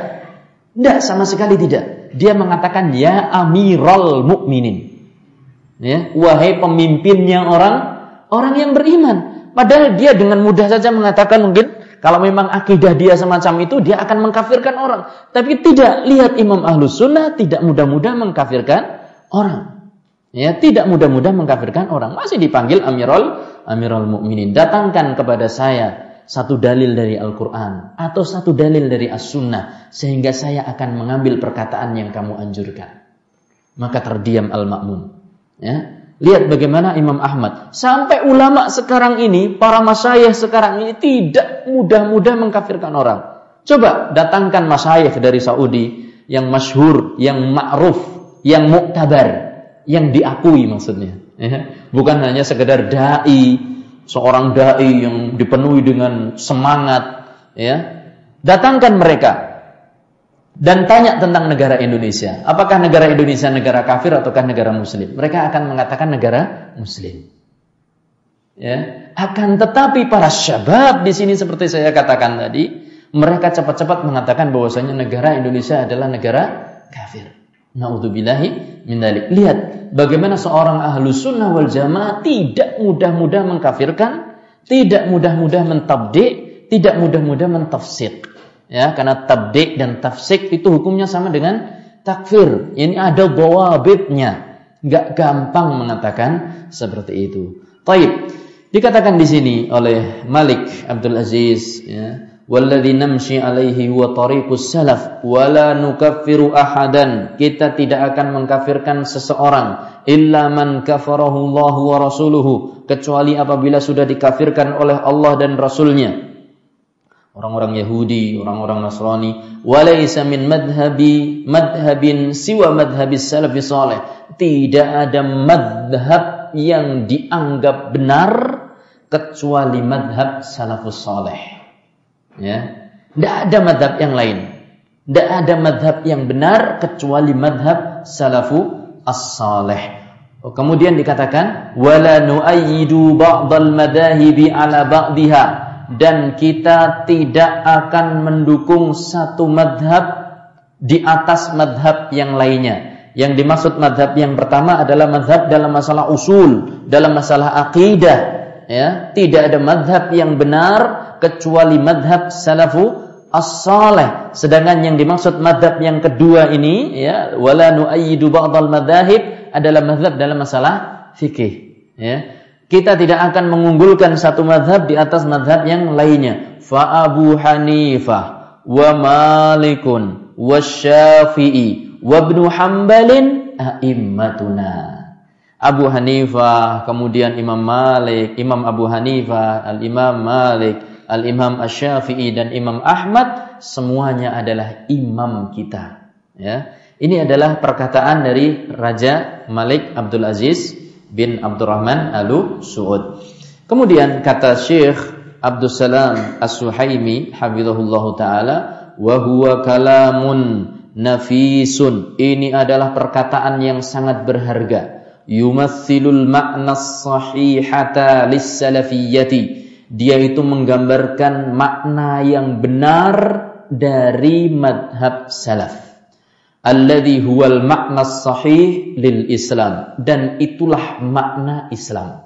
Yani Islam adalah madhab salafu as-salih dan Islam adalah sebuah ajaran yang meng menghormati para ulama. Li'annal ulama warasatul anbiya. Karena ulama itu adalah pewaris para para nabi. Nah, kemudian Syekh Abdul Salam As-Suhaimi mengatakan wa fi hadhil awinati wa fi hadhil awinati. Dan pada masa sekarang ini yata'arradul islamu umuman maka Islam secara umum wal mamlakatu arabiyatu suudiyatu dan juga kerajaan Arab Saudi secara khusus yata'arradu ya menghadapi ya menghadapi. Nanti insya Allah akan saya terjemahkan. Uh, Islam pada zaman sekarang ini Islam secara umum dan kerajaan Arab Saudi serta dakwah salafiyah secara khusus yata'arradu terancam dan menghadapi ilaftira'in yakni uh, perkataan-perkataan dusta.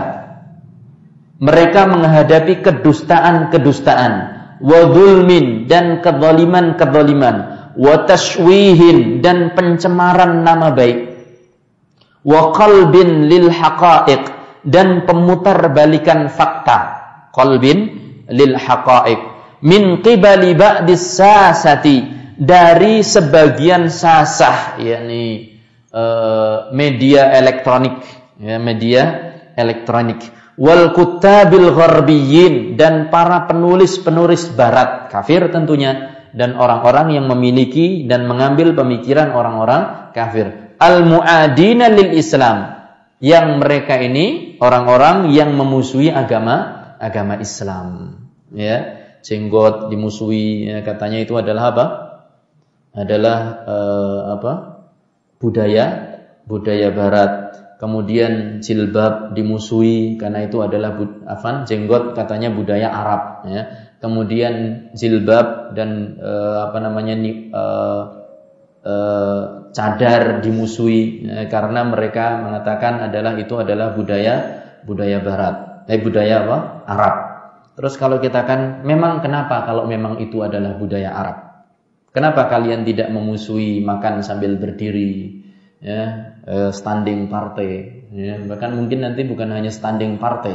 Apa running partai ya, lari-lari pesta sambil lari-lari ya.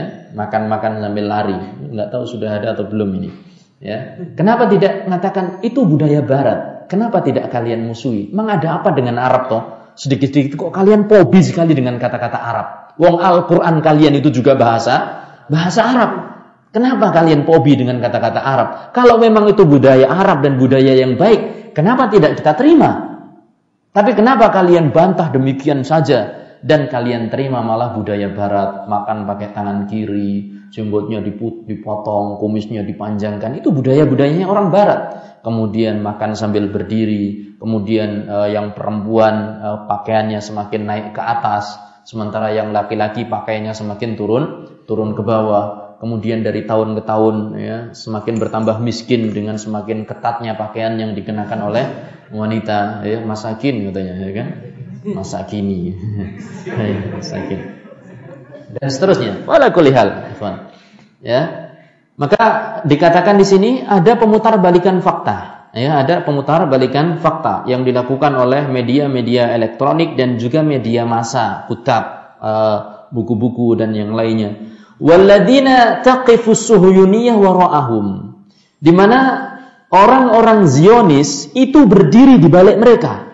Ya, orang-orang Yahudi Zionis, Suhyuniyah itu orang-orang Zionis. Zionis ini memang e, sumber malapetaka. Ya, mereka itu membuat kerusakan di seluruh agama, ikhwan. Bukan hanya dalam agama Islam. Mereka merusak dengan masuknya Abdullah bin Sabah ya dan mengaku sebagai orang Islam padahal dia itu adalah orang orang Yahudi masuk menjadi seorang yang bernama Abdullah ya bin Sabah. Dia orang Yahudi ya dia orang orang Yahudi. Kemudian dia mendirikan agama Syiah ya yang dinisbahkan kepada Islam. Didirikan agama Syiah yang dinisbahkan kepada agama Islam. Walaupun e, orang-orang Syiah tidak akan mengakui adanya tokoh yang namanya Abdullah bin Sabah. Karena kalau sudah diakui terbongkar semua e, rentetan sejarah mereka. Tapi itulah sejarah. Kemudian juga e, Yahudi pula yang merusak e, Kristen yang adanya Trinitas. Ya, Trinitas itu adalah hasil kerjanya orang-orang Yahudi. Awalnya mereka adalah muwahhidin, orang-orang di zamannya Nabi Isa alaihissalam. Kemudian muncullah orang Yahudi yang bernama Paulus, ya, Paulus itulah yang merusak agama agama Kristen. Ya, sekarang ini diagung-agungkan ya, oleh orang Kristen itu sendiri. Baik. Kemudian dikatakan di sini ya walladzina taqifu suhuniyah wara'ahum dan mereka ini didukung oleh suhuniyah, orang-orang Zionis, antek-anteknya Yahudi. Wa yaqifu ma'ahum fi dhulmihim waftira'ihim min ta'as man ta'assara bihim. Demikian juga mereka didukung dalam kezaliman dan kebohongan mereka oleh orang-orang yang manta'assara bihim, orang-orang yang terpengaruh kepada pemikiran mereka. Fi ba'dil buldan. Di beberapa negara. Ya. Banyak negara. Ya banyak negara. Begitu mendengar dakwah salafiyah maka dikatakan dakwah salafiyah adalah pengikutnya Yahudi. Aina nahnu minal Yahud? Ya. Mana kita ini dengan Yahud? Yahudi di seberang sana, kita di seberang seberang sini dikatakan bahwasanya dakwah salafiyah adalah dakwah pengikut Yahudi. Nauzubillahi min dzalik. Akan diadakan peradilan di hadapan Allah Subhanahu wa taala dan kita semua akan berdiri di hadapan Allah Subhanahu wa taala dan kita akan tuntut bahwasanya orang-orang yang mendakwahkan tauhid, mendakwahkan sunnah dikatakan sebagai pengikut Yahudi ya. Ini adalah tuduhan yang yang sangat-sangat tidak uh, tidak dibenarkan. Subhanallah. Sampai saya ingat kisah seorang teman saya.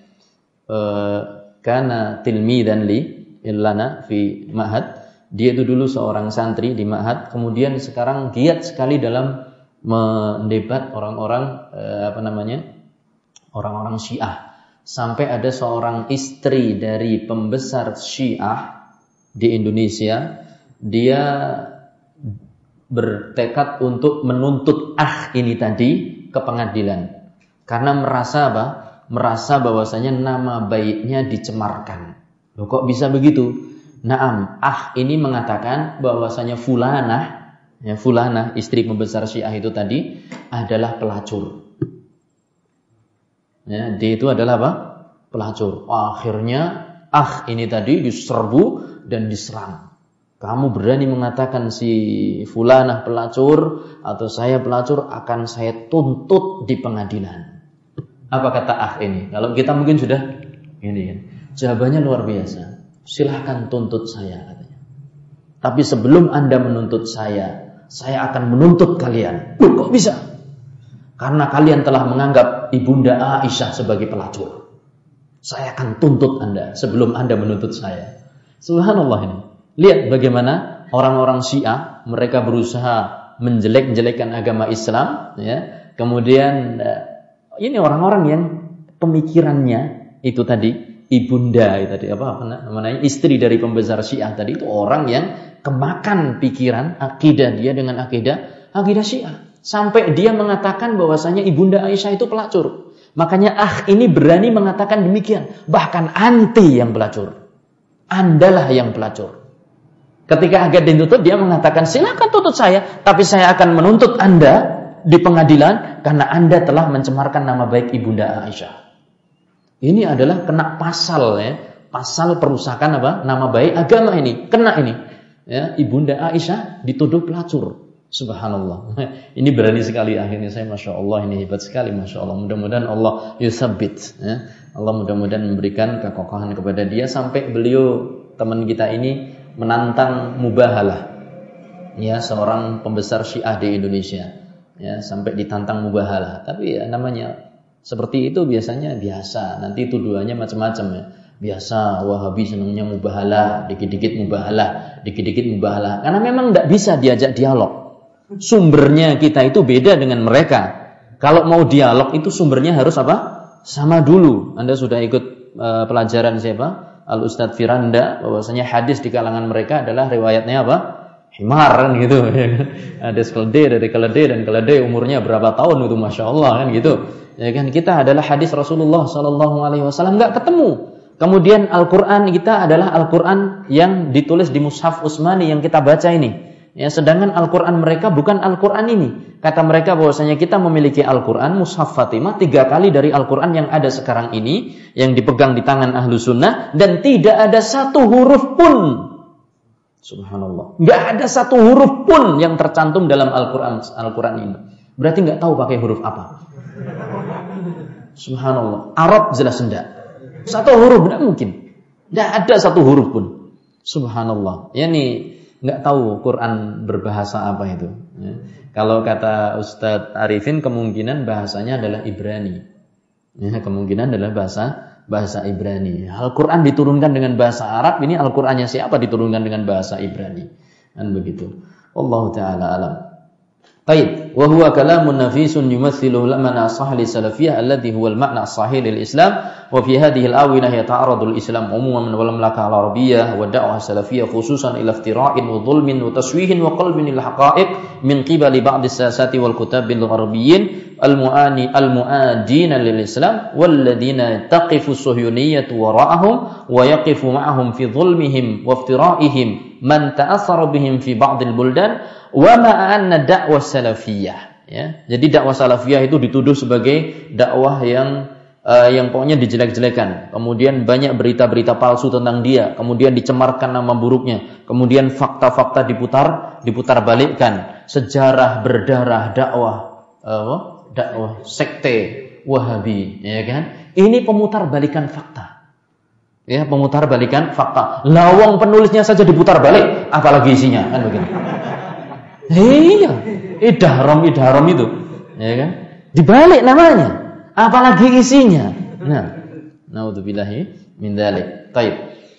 Wa ad-da'wah as-salafiyyah wa ma'anna ad-da'wah salafiyah hiya ab'adu ma yakunu 'an takfiri wa tabdi'i wa tafsiqi bi ghairi dalilin.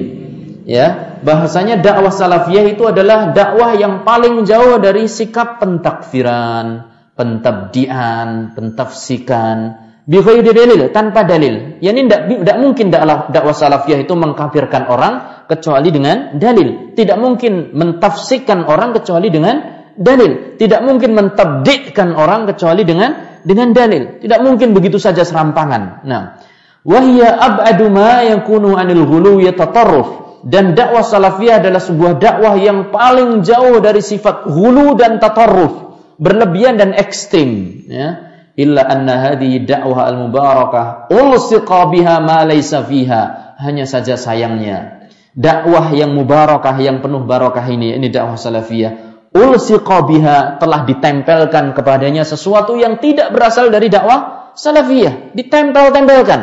Ada yang mengatakan salafiyah jihadiyah.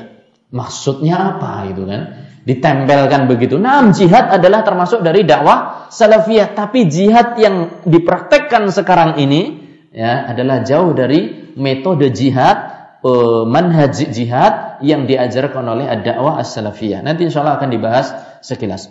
Kemudian wa nusiba ilaiha man laisa ala min hajiha dan banyak sekali orang-orang yang dinisbahkan kepada dakwah salafiyah padahal dia sama sekali bukan anggota dari dakwah salafiyah. Saya maksudkan anggota itu bukan berarti harus ada nomor anggota Anda, yakni orang yang betul-betul berpegang dengan dakwah salafiyah, kitab was sunnah ala fahmi salafil ummah. Itu loh maksudnya. Banyak orang-orang yang tidak seperti itu dinisbahkan kepada dakwah dakwah salafiyah, ya mimma syawwaha jamalaha.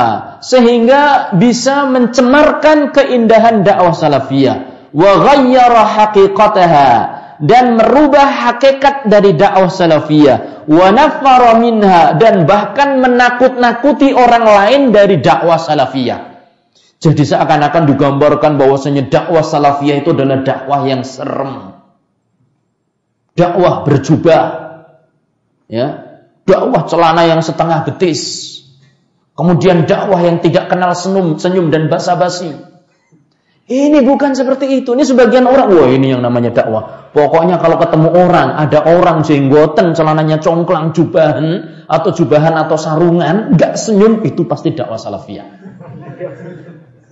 Lebih lagi sekarang ini sukai dengan ngebom. Pokoknya kalau ada bom-bom itulah dakwah salafiyah. Ini adalah uh, sawwaha jamal dakwati salafiyah. Ini yang mencemarkan nama dakwah nama baik dakwah salafiyah. Nah, wa zahadan nasa fiha sehingga orang-orang pun merasa tidak butuh kepada dakwah salafiyah. Padahal dakwah salafiyah itu adalah dakwatul Islam. Ya, dakwah salafiyah itu adalah dakwatul Islam. Dakwatul sunnah adalah dakwatul Islam. Nah, kemudian dikatakan oleh Syekh wa inna min abrazil awamil allati kanat sababan fi dzalika dan di antara faktor terbesar yang merusak nama baik dakwah salafiyah huwa wujudul jamaat al-islamiyah al-hizbiyah al-mu'asirah al-muta'athirah bi fikril khawarij.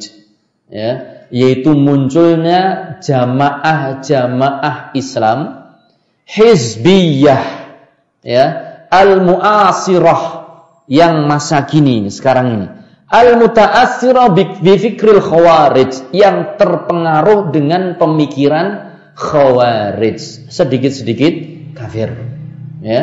Mereka jenggotan, mereka berjubah terkadang. Istrinya juga cadaran, istrinya juga jilbabnya besar. Ya, celananya juga di atas mata mata kaki. Ya, sehingga orang yang memiliki uh, performa yang sama, betul betul ya, bentuk yang sama dikatakan oh itu sama dengan mereka. Nah, naudzubillahi min dzalik. Likauni ba'dhi rumuzin waqadati mufak wa rumuzi waqadati wa mufakkiri hadhihi al-jama'at qad yuwafiquna al-manhaj as-salafi fi ba'd at-turuhati wat tawjihat. Kenapa? Kenapa mereka dinisbahkan kepada dakwah salafiyah? Orang-orang yang memiliki pemikiran khawarij karena sebagian rumus ya sebagian ajaran-ajaran mereka, kemudian sebagian pemimpin-pemimpin dan pemikir-pemikir mereka qad yuwafiqunal manhaj salaf. Terkadang menepati manhaj salaf dalam beberapa perkataan mereka dan arahan-arahan mereka. Kok yuqadarullah orang-orang yang memiliki pemikiran khawarij tadi sama-sama suka sholat jamaah. Ya kan? Wah, berarti yang orang yang seneng sholat jamaah kalau sholat kakinya empet-empetan, ya kan, itu idean saudara itu maka itu adalah sama, itulah sifat pembom. Lalu yang lucu lagi itu ya, subhanallah, yang tidak ada kaitannya dengan manhaj itu dikaitkan dengan manhaj. Yang namanya teroris cirinya adalah ini masih rada mending ya, artinya mending itu sesuai dengan memang kondisi apa apa itu ajaran Islam bukan mending, itu adalah ajaran yang sepakat antara ahlus sunnah dan mereka. Ya ini apa? Celananya congklang, ya kan? Jenggoten, ya, kadang sarungan. Nah, yang lebih aneh lagi biasanya jualan herbal sama madu. nah ini ini nggak ada kaitannya ini. Jualan herbal sama madu itu ciri teroris. Maka se sejak saat ini repot ini mau jualan herbal dikiranya teroris. Itu betul kalau antum buka coba di dunia maya. Itu ciri-cirinya seperti itu, subhanallah. Ya. Ya kalau kita ya itu monggo lah. Tapi kalau congklang, celana apa di atas mata kaki itu memang ciri ahlu sunnah wal jamaah. Ya ini salah satu amalan. Saya katakan salah satu amalan ahlu sunnah wal jamaah. Jenggotnya dipanjangkan. Itu adalah amalan ahlu sunnah wal jamaah. Yang wanita pakai jilbab menutup auratnya itu amalan ahlu sunnah wal jamaah. Jangan dikait-kaitkan dengan teroris, khawarij dan yang lainnya. Kenapa tidak kita katakan Pak jenengan sholat khawarij, eh, sholat jamaah, Pak jenengan juga sholat jamaah di masjid? Iya, loh teroris juga sholat jamaah di masjid loh Pak. Eh, kan? Jadi jangan sembarang nuduh orang yang mengamalkan amalan-amalan ahlu sunnah wal jamaah sebagai teroris. Ha, sayangnya karena ada kemiripan maka musibah ilaihim wa ulsiqa ilaihim. Ya ditempelkan kepada mereka dicocok-cocokkan kok ya cocok begitu ya. Sama-sama jualan herbal dan madu gitu tadi. Ya akhirnya kok ya cocok gitu. Ya subhanallah ala kulli hal ya fan nasallallahu an yahfazana jami'an mudah-mudahan Allah melindungi kita semuanya Baik. Jadi begitu ya, Kenapa kok mereka itu disamakan dengan dakwah salafiyah? Karena memang ada kemiripan. Ya, sehingga mereka dipukul rata ini dakwah salafiyah yang bikin geger. Ya, na'am. Bal qad yatakallamu ba'dhum bismi salafiyah. Bahkan ini yang jadi masalah. Sebagian dari orang-orang yang mutaassir bi fikratil khawarij, sebagian orang-orang yang terpengaruh dengan fikrah khawarij yatakallamu bismi salafiyah mereka berbicara dan menamakan dirinya sebagai dakwah salafiyah. Ini yang lebih repot lagi yang semacam ini. Ini yang semakin merusak nama nama baik dakwah salafiyah. Wahum laisu kadalik. Padahal mereka sama sekali bukan bagian dari dakwah salafiyah. Mimma ja'alal amra yaltabisu 'alal yaltabisu 'alal katsiri minan nas sehingga permasalahan menjadi semakin kacau bagi sebagian umat manusia. Ini yang benar mereka ini termasuk ini ataukah ini termasuk ini? Jangan-jangan ini kelompoknya mereka sama-sama dipukul rata. Ya akhirnya mereka apa? Yahkumuna bidhawahir. Menghukumi dengan dohirnya saja. Pokoknya kalau dohirnya sama berarti ulaika min ulaika. Mereka adalah dari dari mereka. Apalagi apalagi sebagian mereka kitab yang dipelajari juga sama. Sama-sama kitab tauhid, Fathul Majid, ya, Al-Aqidah juga Aqidah Wasitiyah, kemudian Lum'atul I'tiqad, kemudian dan yang lain-lain, Usul Salasa. Sama kitabnya, amalannya juga sama, pakaiannya sama, istrinya sama. Wis, cocok. Usahanya sama. ya. Ini dia, subhanallah, ya. Qad yatakallamu ba'dhum bismi salafiyah wa hum laisu kadzalika, padahal mereka bukan termasuk dakwah salafiyah. Mimma ja'ala al-amra yaltabisu 'alal katsiri minan nas alladziina qad takhwa 'alaihimul haqiqah. Yang di mana sebagian orang itu tidak bisa memahami hakikat perkaranya. Yani uh, kes, apa, uh, makna sesungguhnya, kondisi sesungguhnya mereka tidak tidak bisa menyelaminya dhannan minhum anna hadhil jama'ati salafiyatan. Mereka menganggap bahwasanya jamaah-jamaah itu adalah jamaah salafiyah. Au alal fikr al-wahhabi atau mereka adalah jamaah-jamaah yang berada di dalam pemikiran Wahabi. Kama yahlu lil ba'di tasmiyatuha bidzalik. Sebagaimana manis lisan mereka dalam menamakan dakwah salafiyah dengan Wahabi. Yani lebih enak mereka mengucapkan dan lebih menakutkan kalau dakwah salafiyah itu dikatakan dakwah Wahabi. Makanya sebagian kelompok senang sekali mengatakan dakwah salafiyah sebagai dakwah Wahabiyah. Ini sejarah berdarah sekte Wahabi. Ya, mereka tidak bisa mengatakan sejarah berdakwah sekte salaf karena mahat-mahatnya juga banyak mahat salafiyah ya. Dari Indonesia dari lama sejak lama Indonesia itu mengenal istilah seperti itu sebetulnya. Nah, akan tapi lebih enak bagi mereka mengatakan apa? Dakwah Wahabi. Nah, wa innaka la ta'jabu mimman yusammil jama'at al-hizbiyyati bil jama'ati salafiyah al-jihadiyah. Engkau akan semakin takjub lagi uh, kepada orang yang menamakan jamaah hizbiyah, jamaah hizbiyah ini jamaah yang menyimpang dari Al-Qur'an dan Sunnah disebut dengan jamaah salafiyah jihadiyah. Ya. Jadi kalau antum buka mungkin di berita-berita mereka, salafi terbagi menjadi dua, ya. Salafi jihadi dan salafi irja. salafi jihadi itu yang suka ngebom-ngebom itu tadi. Salafi irja itu adalah salafinya Syekh Al-Albani, katanya begitu. Ya, ini subhanallah. Ini adalah tuduhan. Bagaimana orang-orang hizbi dikatakan sebagai salafiyah jihadiyah? Nah, maka dikatakan di sini, wa kaifa takunu salafiyatan? Loh, kok bisa kelompok itu dikatakan salafi? Wa hiya mukhalifatun laha fil aqidati wal manhaj. Lawang akidah dan manhajnya beda. Akidah dan manhajnya berbeda. Kok bisa dikatakan salafiyah? Wa kaifa takunu jihadiyatan?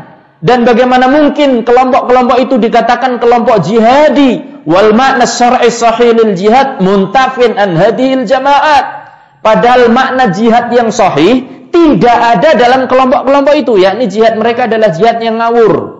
Ya, jihad mereka adalah jihad yang ngawur, ngebom. Jihad mereka adalah identik dengan ngebom. Sawaun kana fis suqi au kana fil masjidi. Ya, sama saja apakah ngebomnya di pasar atau bang ataukah ngebomnya di masjid. Sama saja apakah ngebomnya di tempat-tempat eh, apa namanya? pariwisata ataukah tempat riyadul riyadus solihin yakni masjid tamannya orang-orang yang soleh. Loh, memang pernah Ustaz ngebom di pariwisata tahu banyak, ya kan? Di Pulau Dewata misalnya, Pulau Bali itu dibom. Kenapa? Ya pusatnya, ya kan? Tapi kalau di masjid, Ustaz, mosok ada lo kejadian Cirebon, ya kan? Itu adalah ngebom di dalam masjid. Itu pemikiran jihad mereka. Maka dikatakan oleh Syekh Abdul Salam As-Suhaimi. Kok bisa dikatakan salafiyah? Wong mereka akidah dan manhajnya berbeda. Kok bisa dikatakan jihadiyah? Wong makna jihad yang benar itu tidak ada dalam diri diri mereka. Ya. Maka dikatakan di sini wa kaifa takunu jihadiyatan wal makna syar'iyyu sahihu lil jihadi muntafin an hadhihi jamaat li adami tawaffuri syuruti sahihati lil jihadi fi hadhihi jamaat karena mereka tidak terpenuhi syarat-syarat yang sahih untuk tegaknya sebuah jihad di dalam jamaah itu tadi. Wa innal ibrata hiya bil haqa'iqi wal ma'ani. Yang jadi tolok ukur innal ibrah adalah bil haqa'iq wal ma'ani. dengan hakikat dan makna-makna yang terkandung. La bil alfadil la bil alfadhi wal musamayat. Bukan hanya sekedar lafaz dan penamaan penamaan saja. Jadi tidak bisa dikatakan benar bahwasanya jamaah hizbiyah dikatakan sebagai jamaah salafiyah jihad jihadiyah. Yang lucu lagi misalnya, orang mengatakan uh, uh, salafi man salafi aqidatan wasufi ibadatan. Tidak ada campur baur seperti itu. Ya, akidahnya akidah salafi, tapi apa? Ibadahnya ibadah sufi. Tidak ada seperti itu. Ya, salafi itu adalah salafi akidatan, wa manhajan, wa ibadatan, wa khuluqan. Semuanya harus salafi.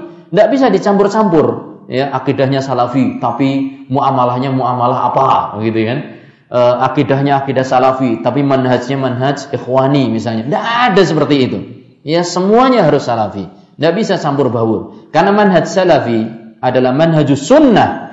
Ya, manhaju as-sunnah yang mengatur semua aspek kehidupan. Enggak hanya mengatur akidah saja, tapi mengatur ibadah juga. Tidak hanya mengatur ibadah saja, tapi juga mengatur muamalah. Tidak hanya mengatur muamalah saja, bahkan juga mengatur akhlak dan adab.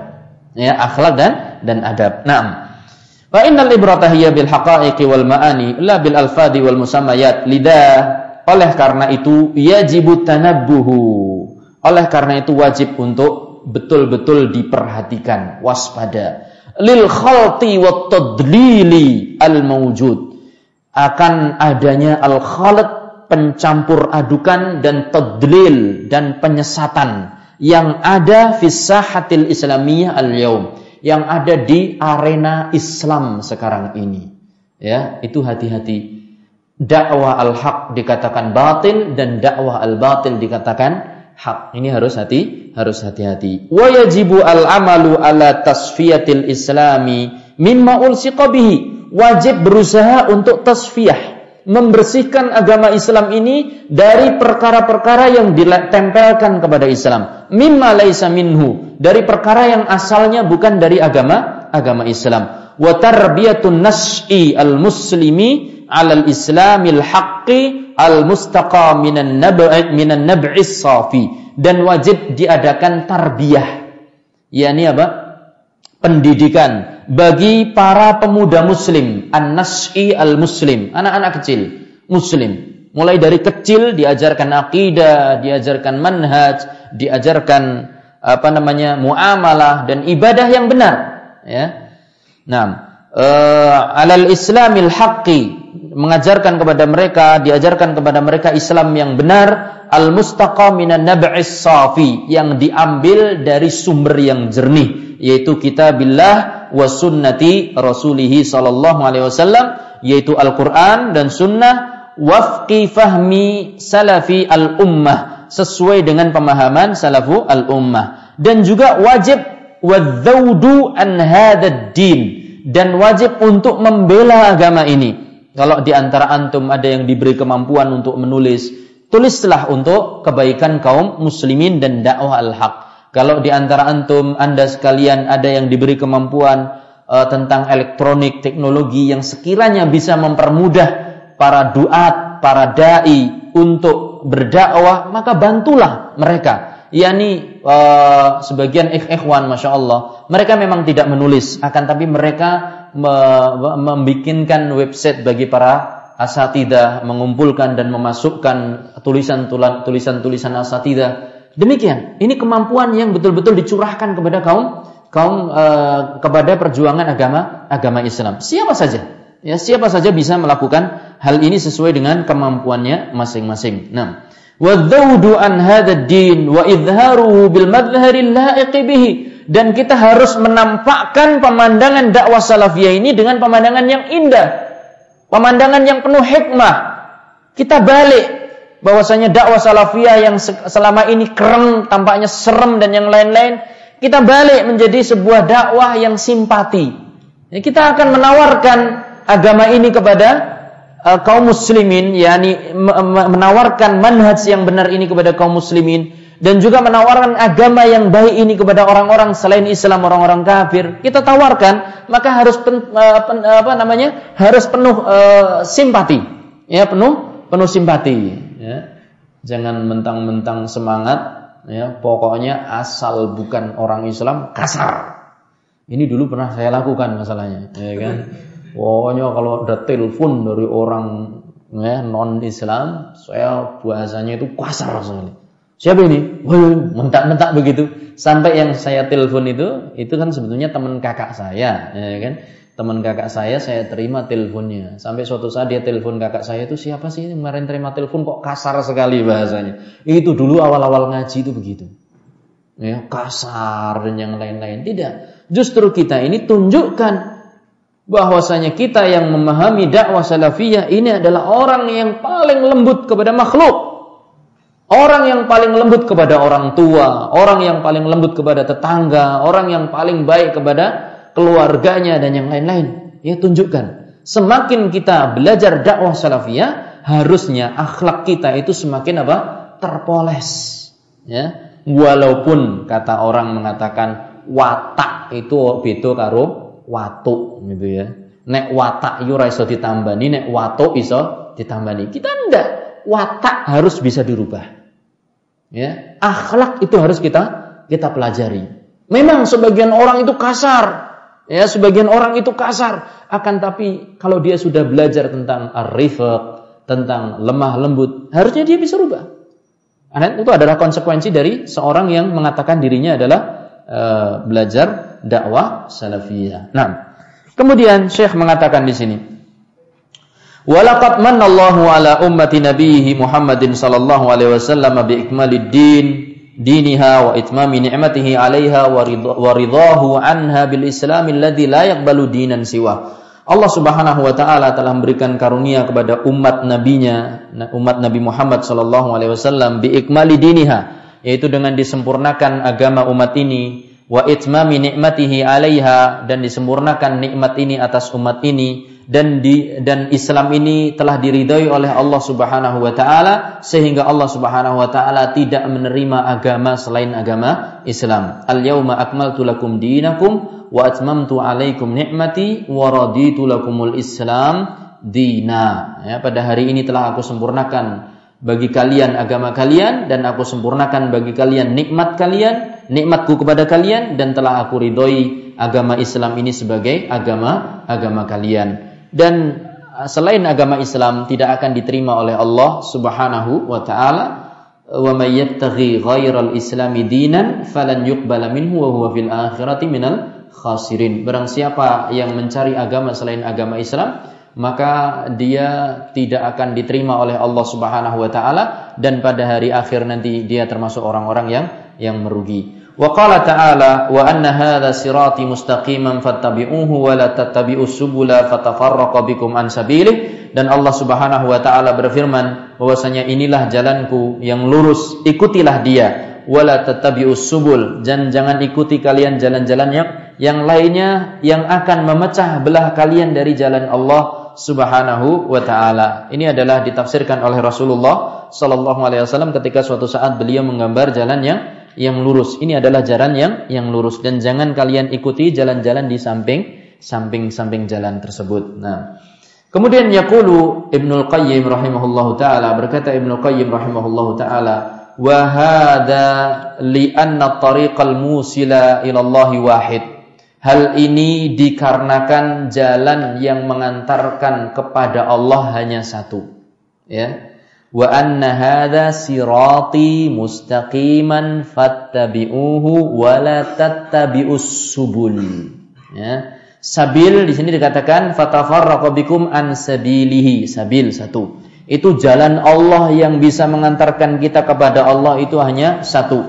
Wa hadha li anna tariqal musila ila Allah wahidun wa huwa ma ba'atha bihi rusulah yaitu jalan yang dengannya Allah mengutus para rasulnya. Wa anzala bihi kutubah jalan yang dengannya Allah telah menurunkan kitab-kitabnya. Wala yasilu ilaihi ahadun illa min hadzat tariqi dan tidak mungkin seorang sampai kepada Allah kecuali hanya lewat jalan itu saja. Walau annan walau atan nasu min kulli tariqin wastaftahu min kulli babin. Taruhlah seandainya semua manusia atau umat manusia berusaha masuk dari semua jalan yang ada.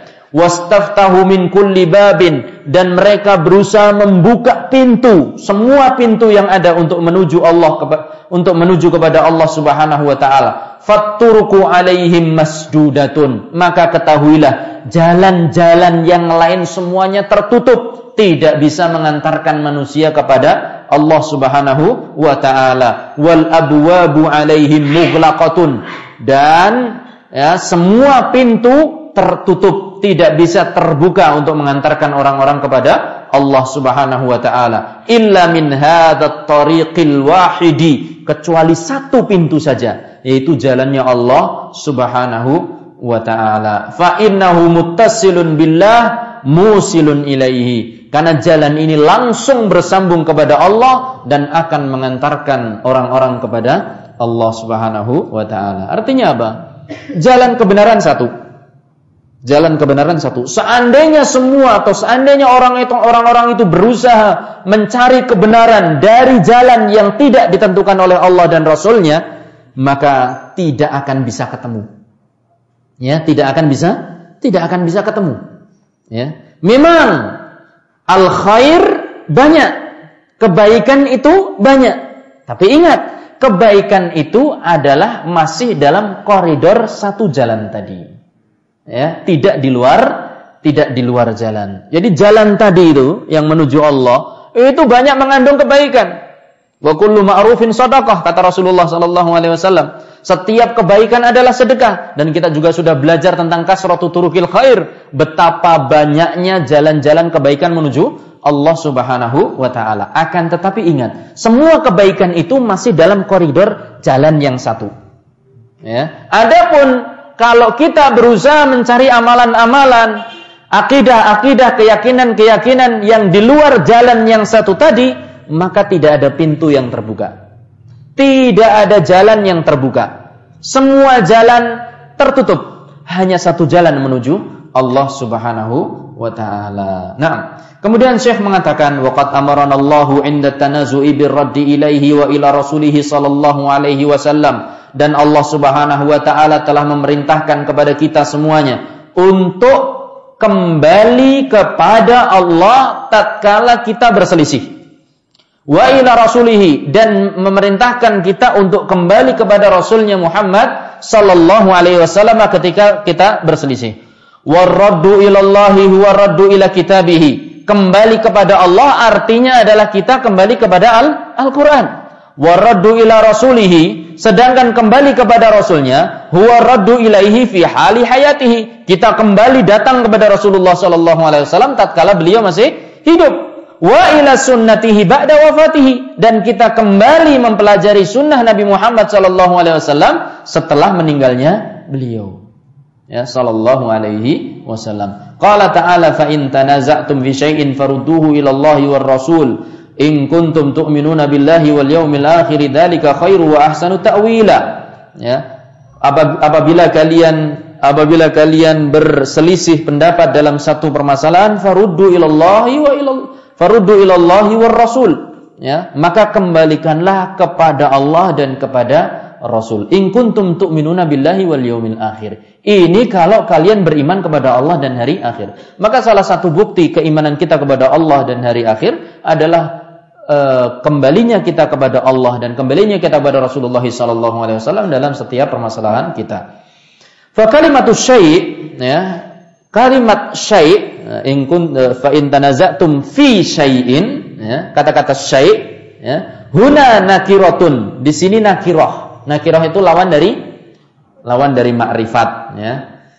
Fi siyaqi syarat dalam konteks syarat dalam konteks syarat fa'in tanazatum seandainya kalian berselisih pendapat ya seandainya kan kata syarat ya maka e, nakirah dalam konteks syarat ta'ummu memberikan faedah yang umum ya memberikan keumuman atau makna yang umum ta'ummu kullakhtilafit tadadi fil usuli wal furu' ya mencakup semua perbedaan tadad ya perbedaan yang kebenarannya hanya satu dalam masalah usul dan masalah furu.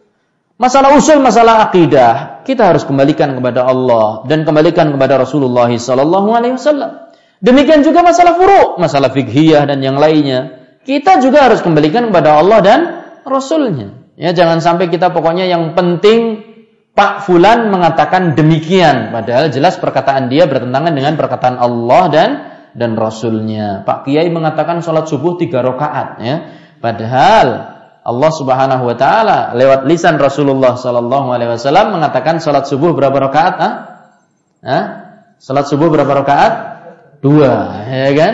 Nah, kalau kita tahu bahwasanya sholat subuh dua rakaat, mana yang kita ikuti? Perkataan Pak Kiai atau perkataan Allah dan Rasulnya? perkataan Allah dan Rasulnya kan begitu, simple, ya kan, gampang. Nah, jadi agama Islam ini adalah agama yang sangat-sangat memudahkan dan tidak membingungkan. Baik, kita kembali. Yaqulu Ibnu Qayyim, berkata Ibnu Qayyim rahimahullah, "Walau lam yakun fi kitabillahi wa sunnati Rasulillah sallallahu alaihi wasallam bayanu hukmin ma bayanu hukmi ma tanaza'u fihi." Seandainya ya, ini Eh, Ibnu Qayyim ingin mengatakan bahwasanya Al-Qur'an itu sempurna. As-Sunnah itu adalah sempurna. Dari sisi mana dikatakan Al-Qur'an dan As-Sunnah sempurna? Dari sisi dia mengatakan, seandainya dalam kitabullah dan dalam sunnah Rasulullah Sallallahu Alaihi Wasallam tidak terdapat keterangan tentang perkara yang mereka perselisihkan. Ya, walau lam yakun fi kitabillah wa sunnati rasulih sallallahu alaihi wasallam bayanu hukmi ma tanaza'u fihi seandainya dalam Al-Qur'an ataupun sunnah tidak ada keterangan dalam perkara tidak ada keterangan tentang perkara yang mereka perselisihkan walam yakun kafian dan tidak bisa mencukupi untuk menyelesaikan permasalahan mereka lam ya'mur birraddi ilaihi niscaya Allah tidak memerintahkan untuk kembali kepada Al-Quran dan Sunnah. Sekarang begini, ini ada anak TK, ya kan? Ada anak TK. Kemudian anda mahasiswa, ya. Kemudian ada anak SMA.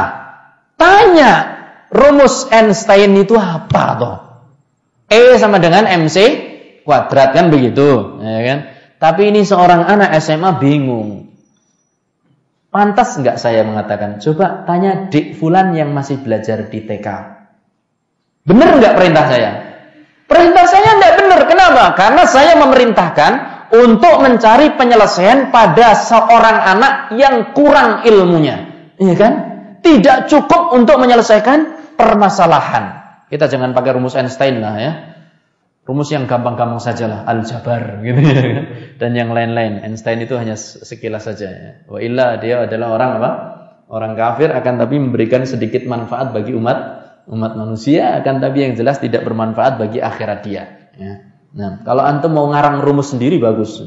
Mungkin nanti muncul rumus ihsan. Nah, gitu. masya Allah itu luar biasa itu. Rumus apa itu rumus herbal kan begitu Baik.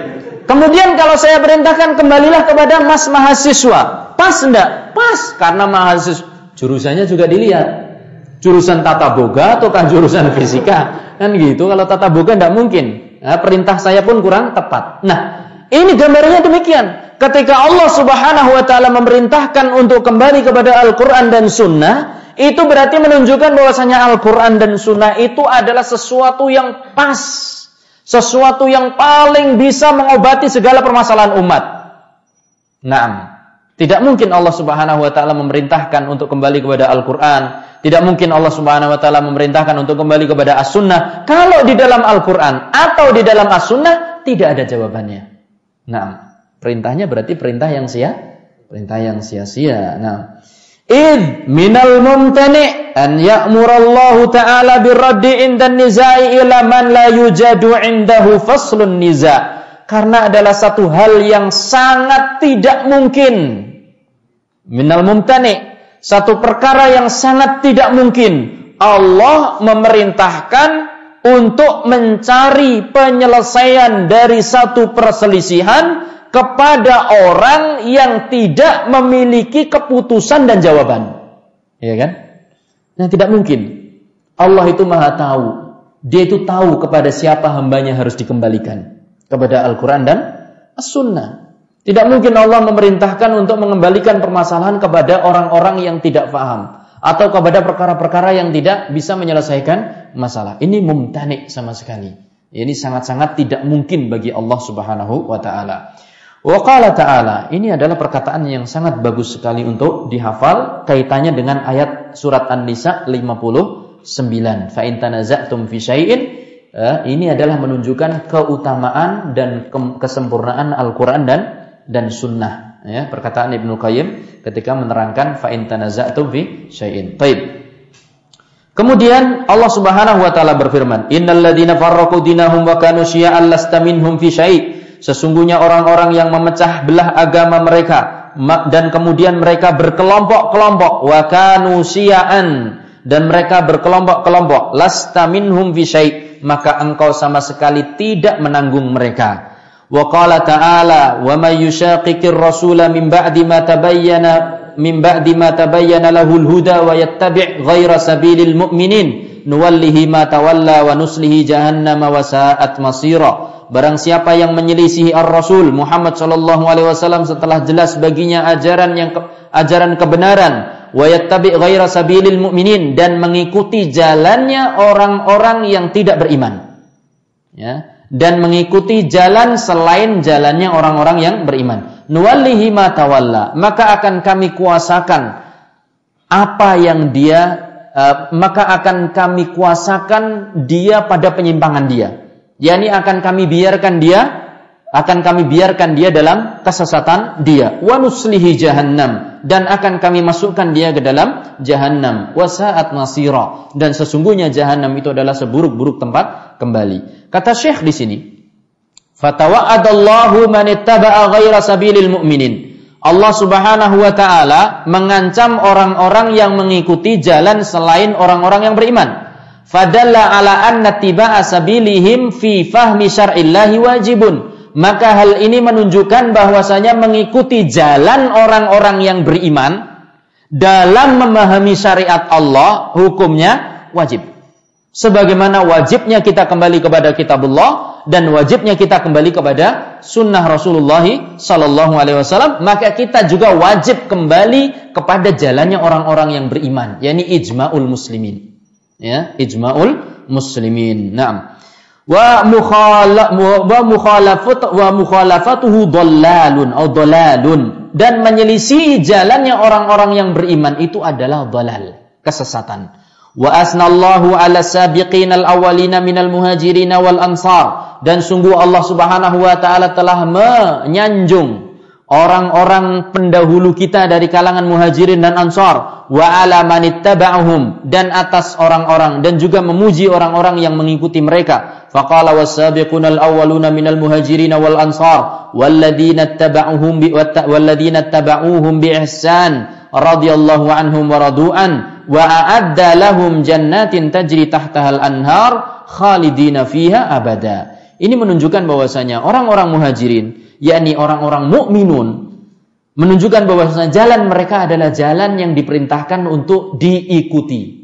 Sabilul muhajirin, sabilun ansar, sabilus sabiqin al-awwalin, wa sabilu man taba wa man man ittaba'ahum man ittabi'ahum bi ihsan ila yaumiddin yajibu tiba'uhu. Jalan yang ditempuh oleh orang-orang muhajirin, yang ditempuh oleh orang ansar, ditempuh oleh para a'immah setelah para sahabat, adalah jalan yang wajib ditempuh. Ya, jalan yang wajib ditempuh. Ini Syekh berusaha menerangkan tentang akidah atau manhaj salaf, yakni mengikuti Al-Quran, sunnah dan da'a dan pemahaman salaf al-ummah. Nah, salaf al-ummah. Wa bayyana Rasulullah sallallahu alaihi wasallam anna khairan nasi qarnuhu.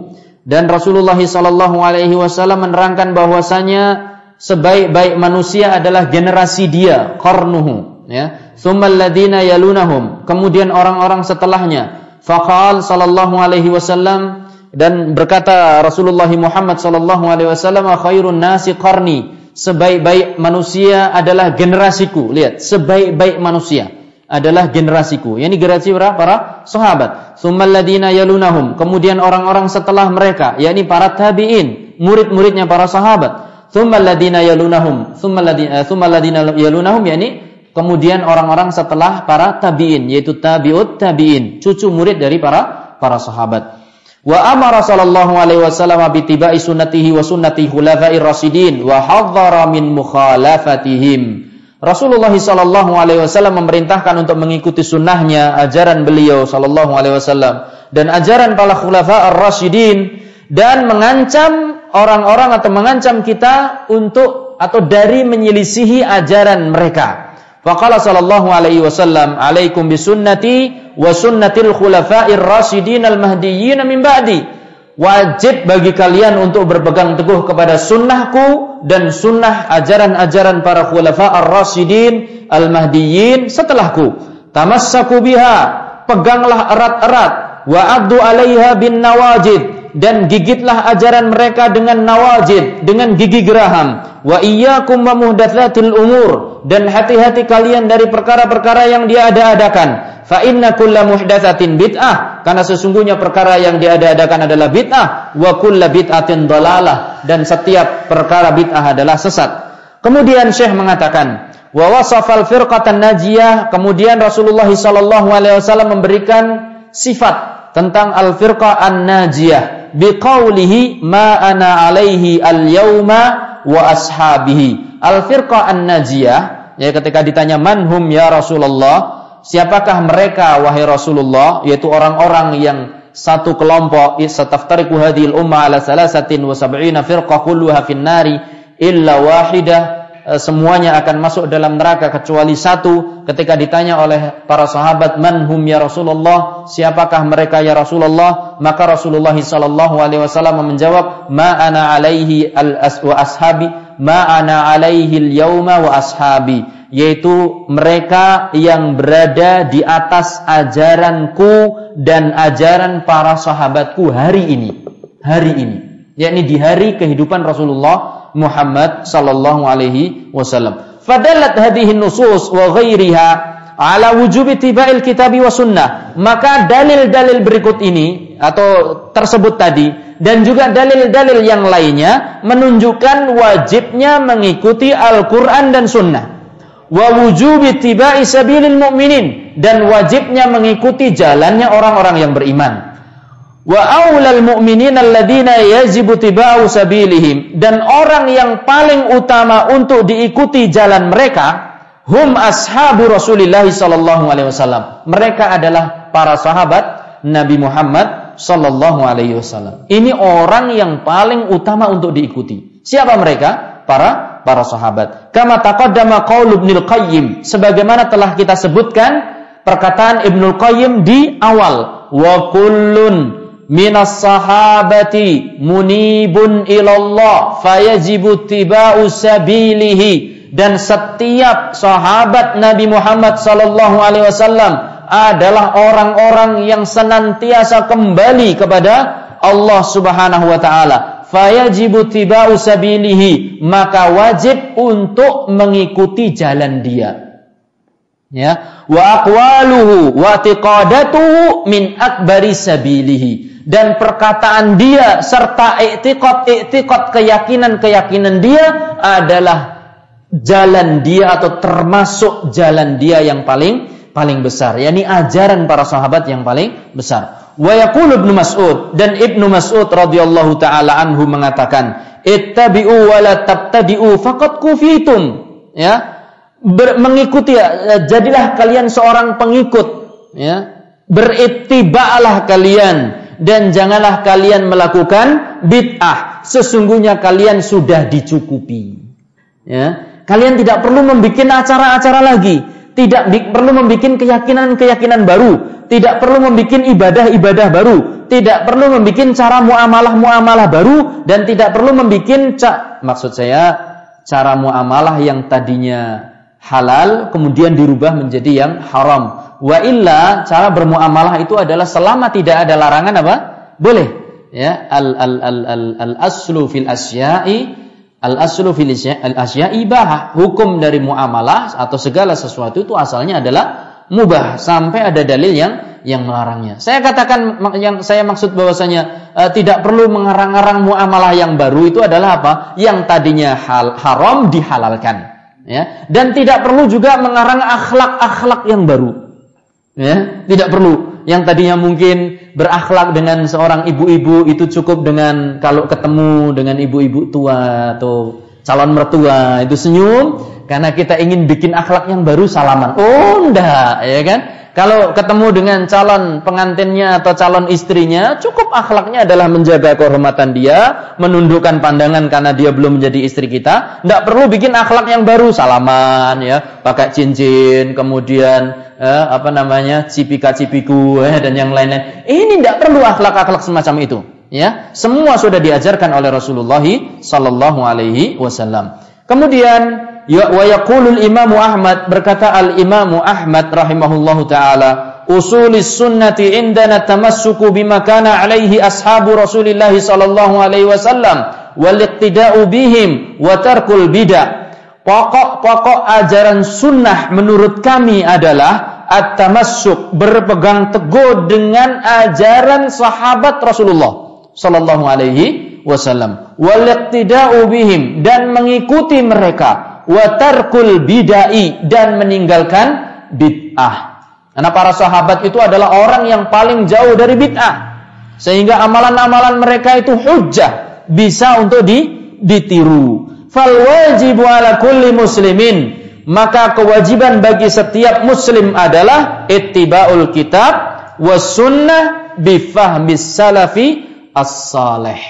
Yani me, me, me, mengikuti Alkitab, mengikuti As-Sunnah dengan pemahaman salafu al-ummah. Kemudian di sini dikatakan oleh Syekh wa minni fil musyarakah fi durusi allati talaqqa fi Eh, tulqa fi kulliyati syariati bil jamiatil islamiyah bil madinati nabawiyah bi qismin nasyati faqad alqaitu walhamdulillah iddata durusin tata'allaqu bil manhaji sahihi manhaji salafi salihi li anna salafiyata ta'ni ittiba'a dinil islam ittiba'a dinil islam ala ma kana alaihi ashabu rasulillah sallallahu alaihi wasallam wa man tabi'ahum ala man min hajihim maka kata Syekh dan karena saya ingin musyarakah saya ingin mempunyai saham dalam uh, apa namanya uh, me, me, menebarkan dakwah atau afan warohbatan minni fil musyarakah maka sebagai bentuk keikutsertaan saya yaitu pelajaran-pelajaran yang saya sampaikan di kuliah syariah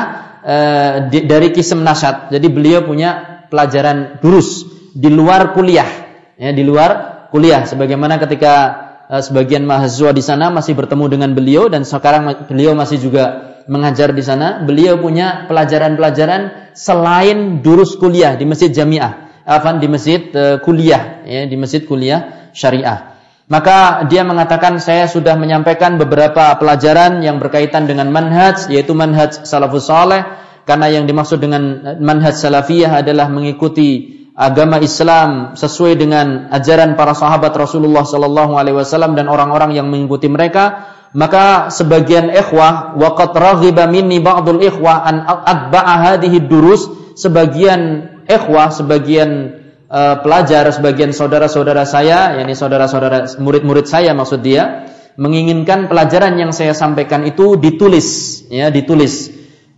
faraja'tuha wa alaihi ilaiha ba'd al-idafatil muta'alliqati bil mawdu' maka akhirnya saya memurajaah apa yang telah saya sampaikan saya cek ulang apa yang telah saya sampaikan dan saya tambahkan beberapa uh, apa uh, pembahasan yang berkaitan dengan tema yang saya sampaikan. Wa ra'aitu minal munasib tasmiyatuha dan saya pandang cocok untuk dinamakan dengan judul Kun Salafiyan al Jada wa qad umur at-taliyah dan buku ini saya kat, uh, namakan sebagai Kun Salafiyan al Jada. Beliau dalam catatan kaki mengatakan bahwasanya uh, ini adalah kata-kata Syekh Bakar Abu Zaid. Dia mengatakan kun salafiyan alal jadah tariqas salaf as-salih minas sahabah faman ba'dahum mimman Uh, mimman qafa atharahum fi jami'i abwabid din min at-tauhid wal ibadati wa nahwiha mutamayyizan bil tizami athari Rasulillah sallallahu alaihi wasallam dan seterusnya.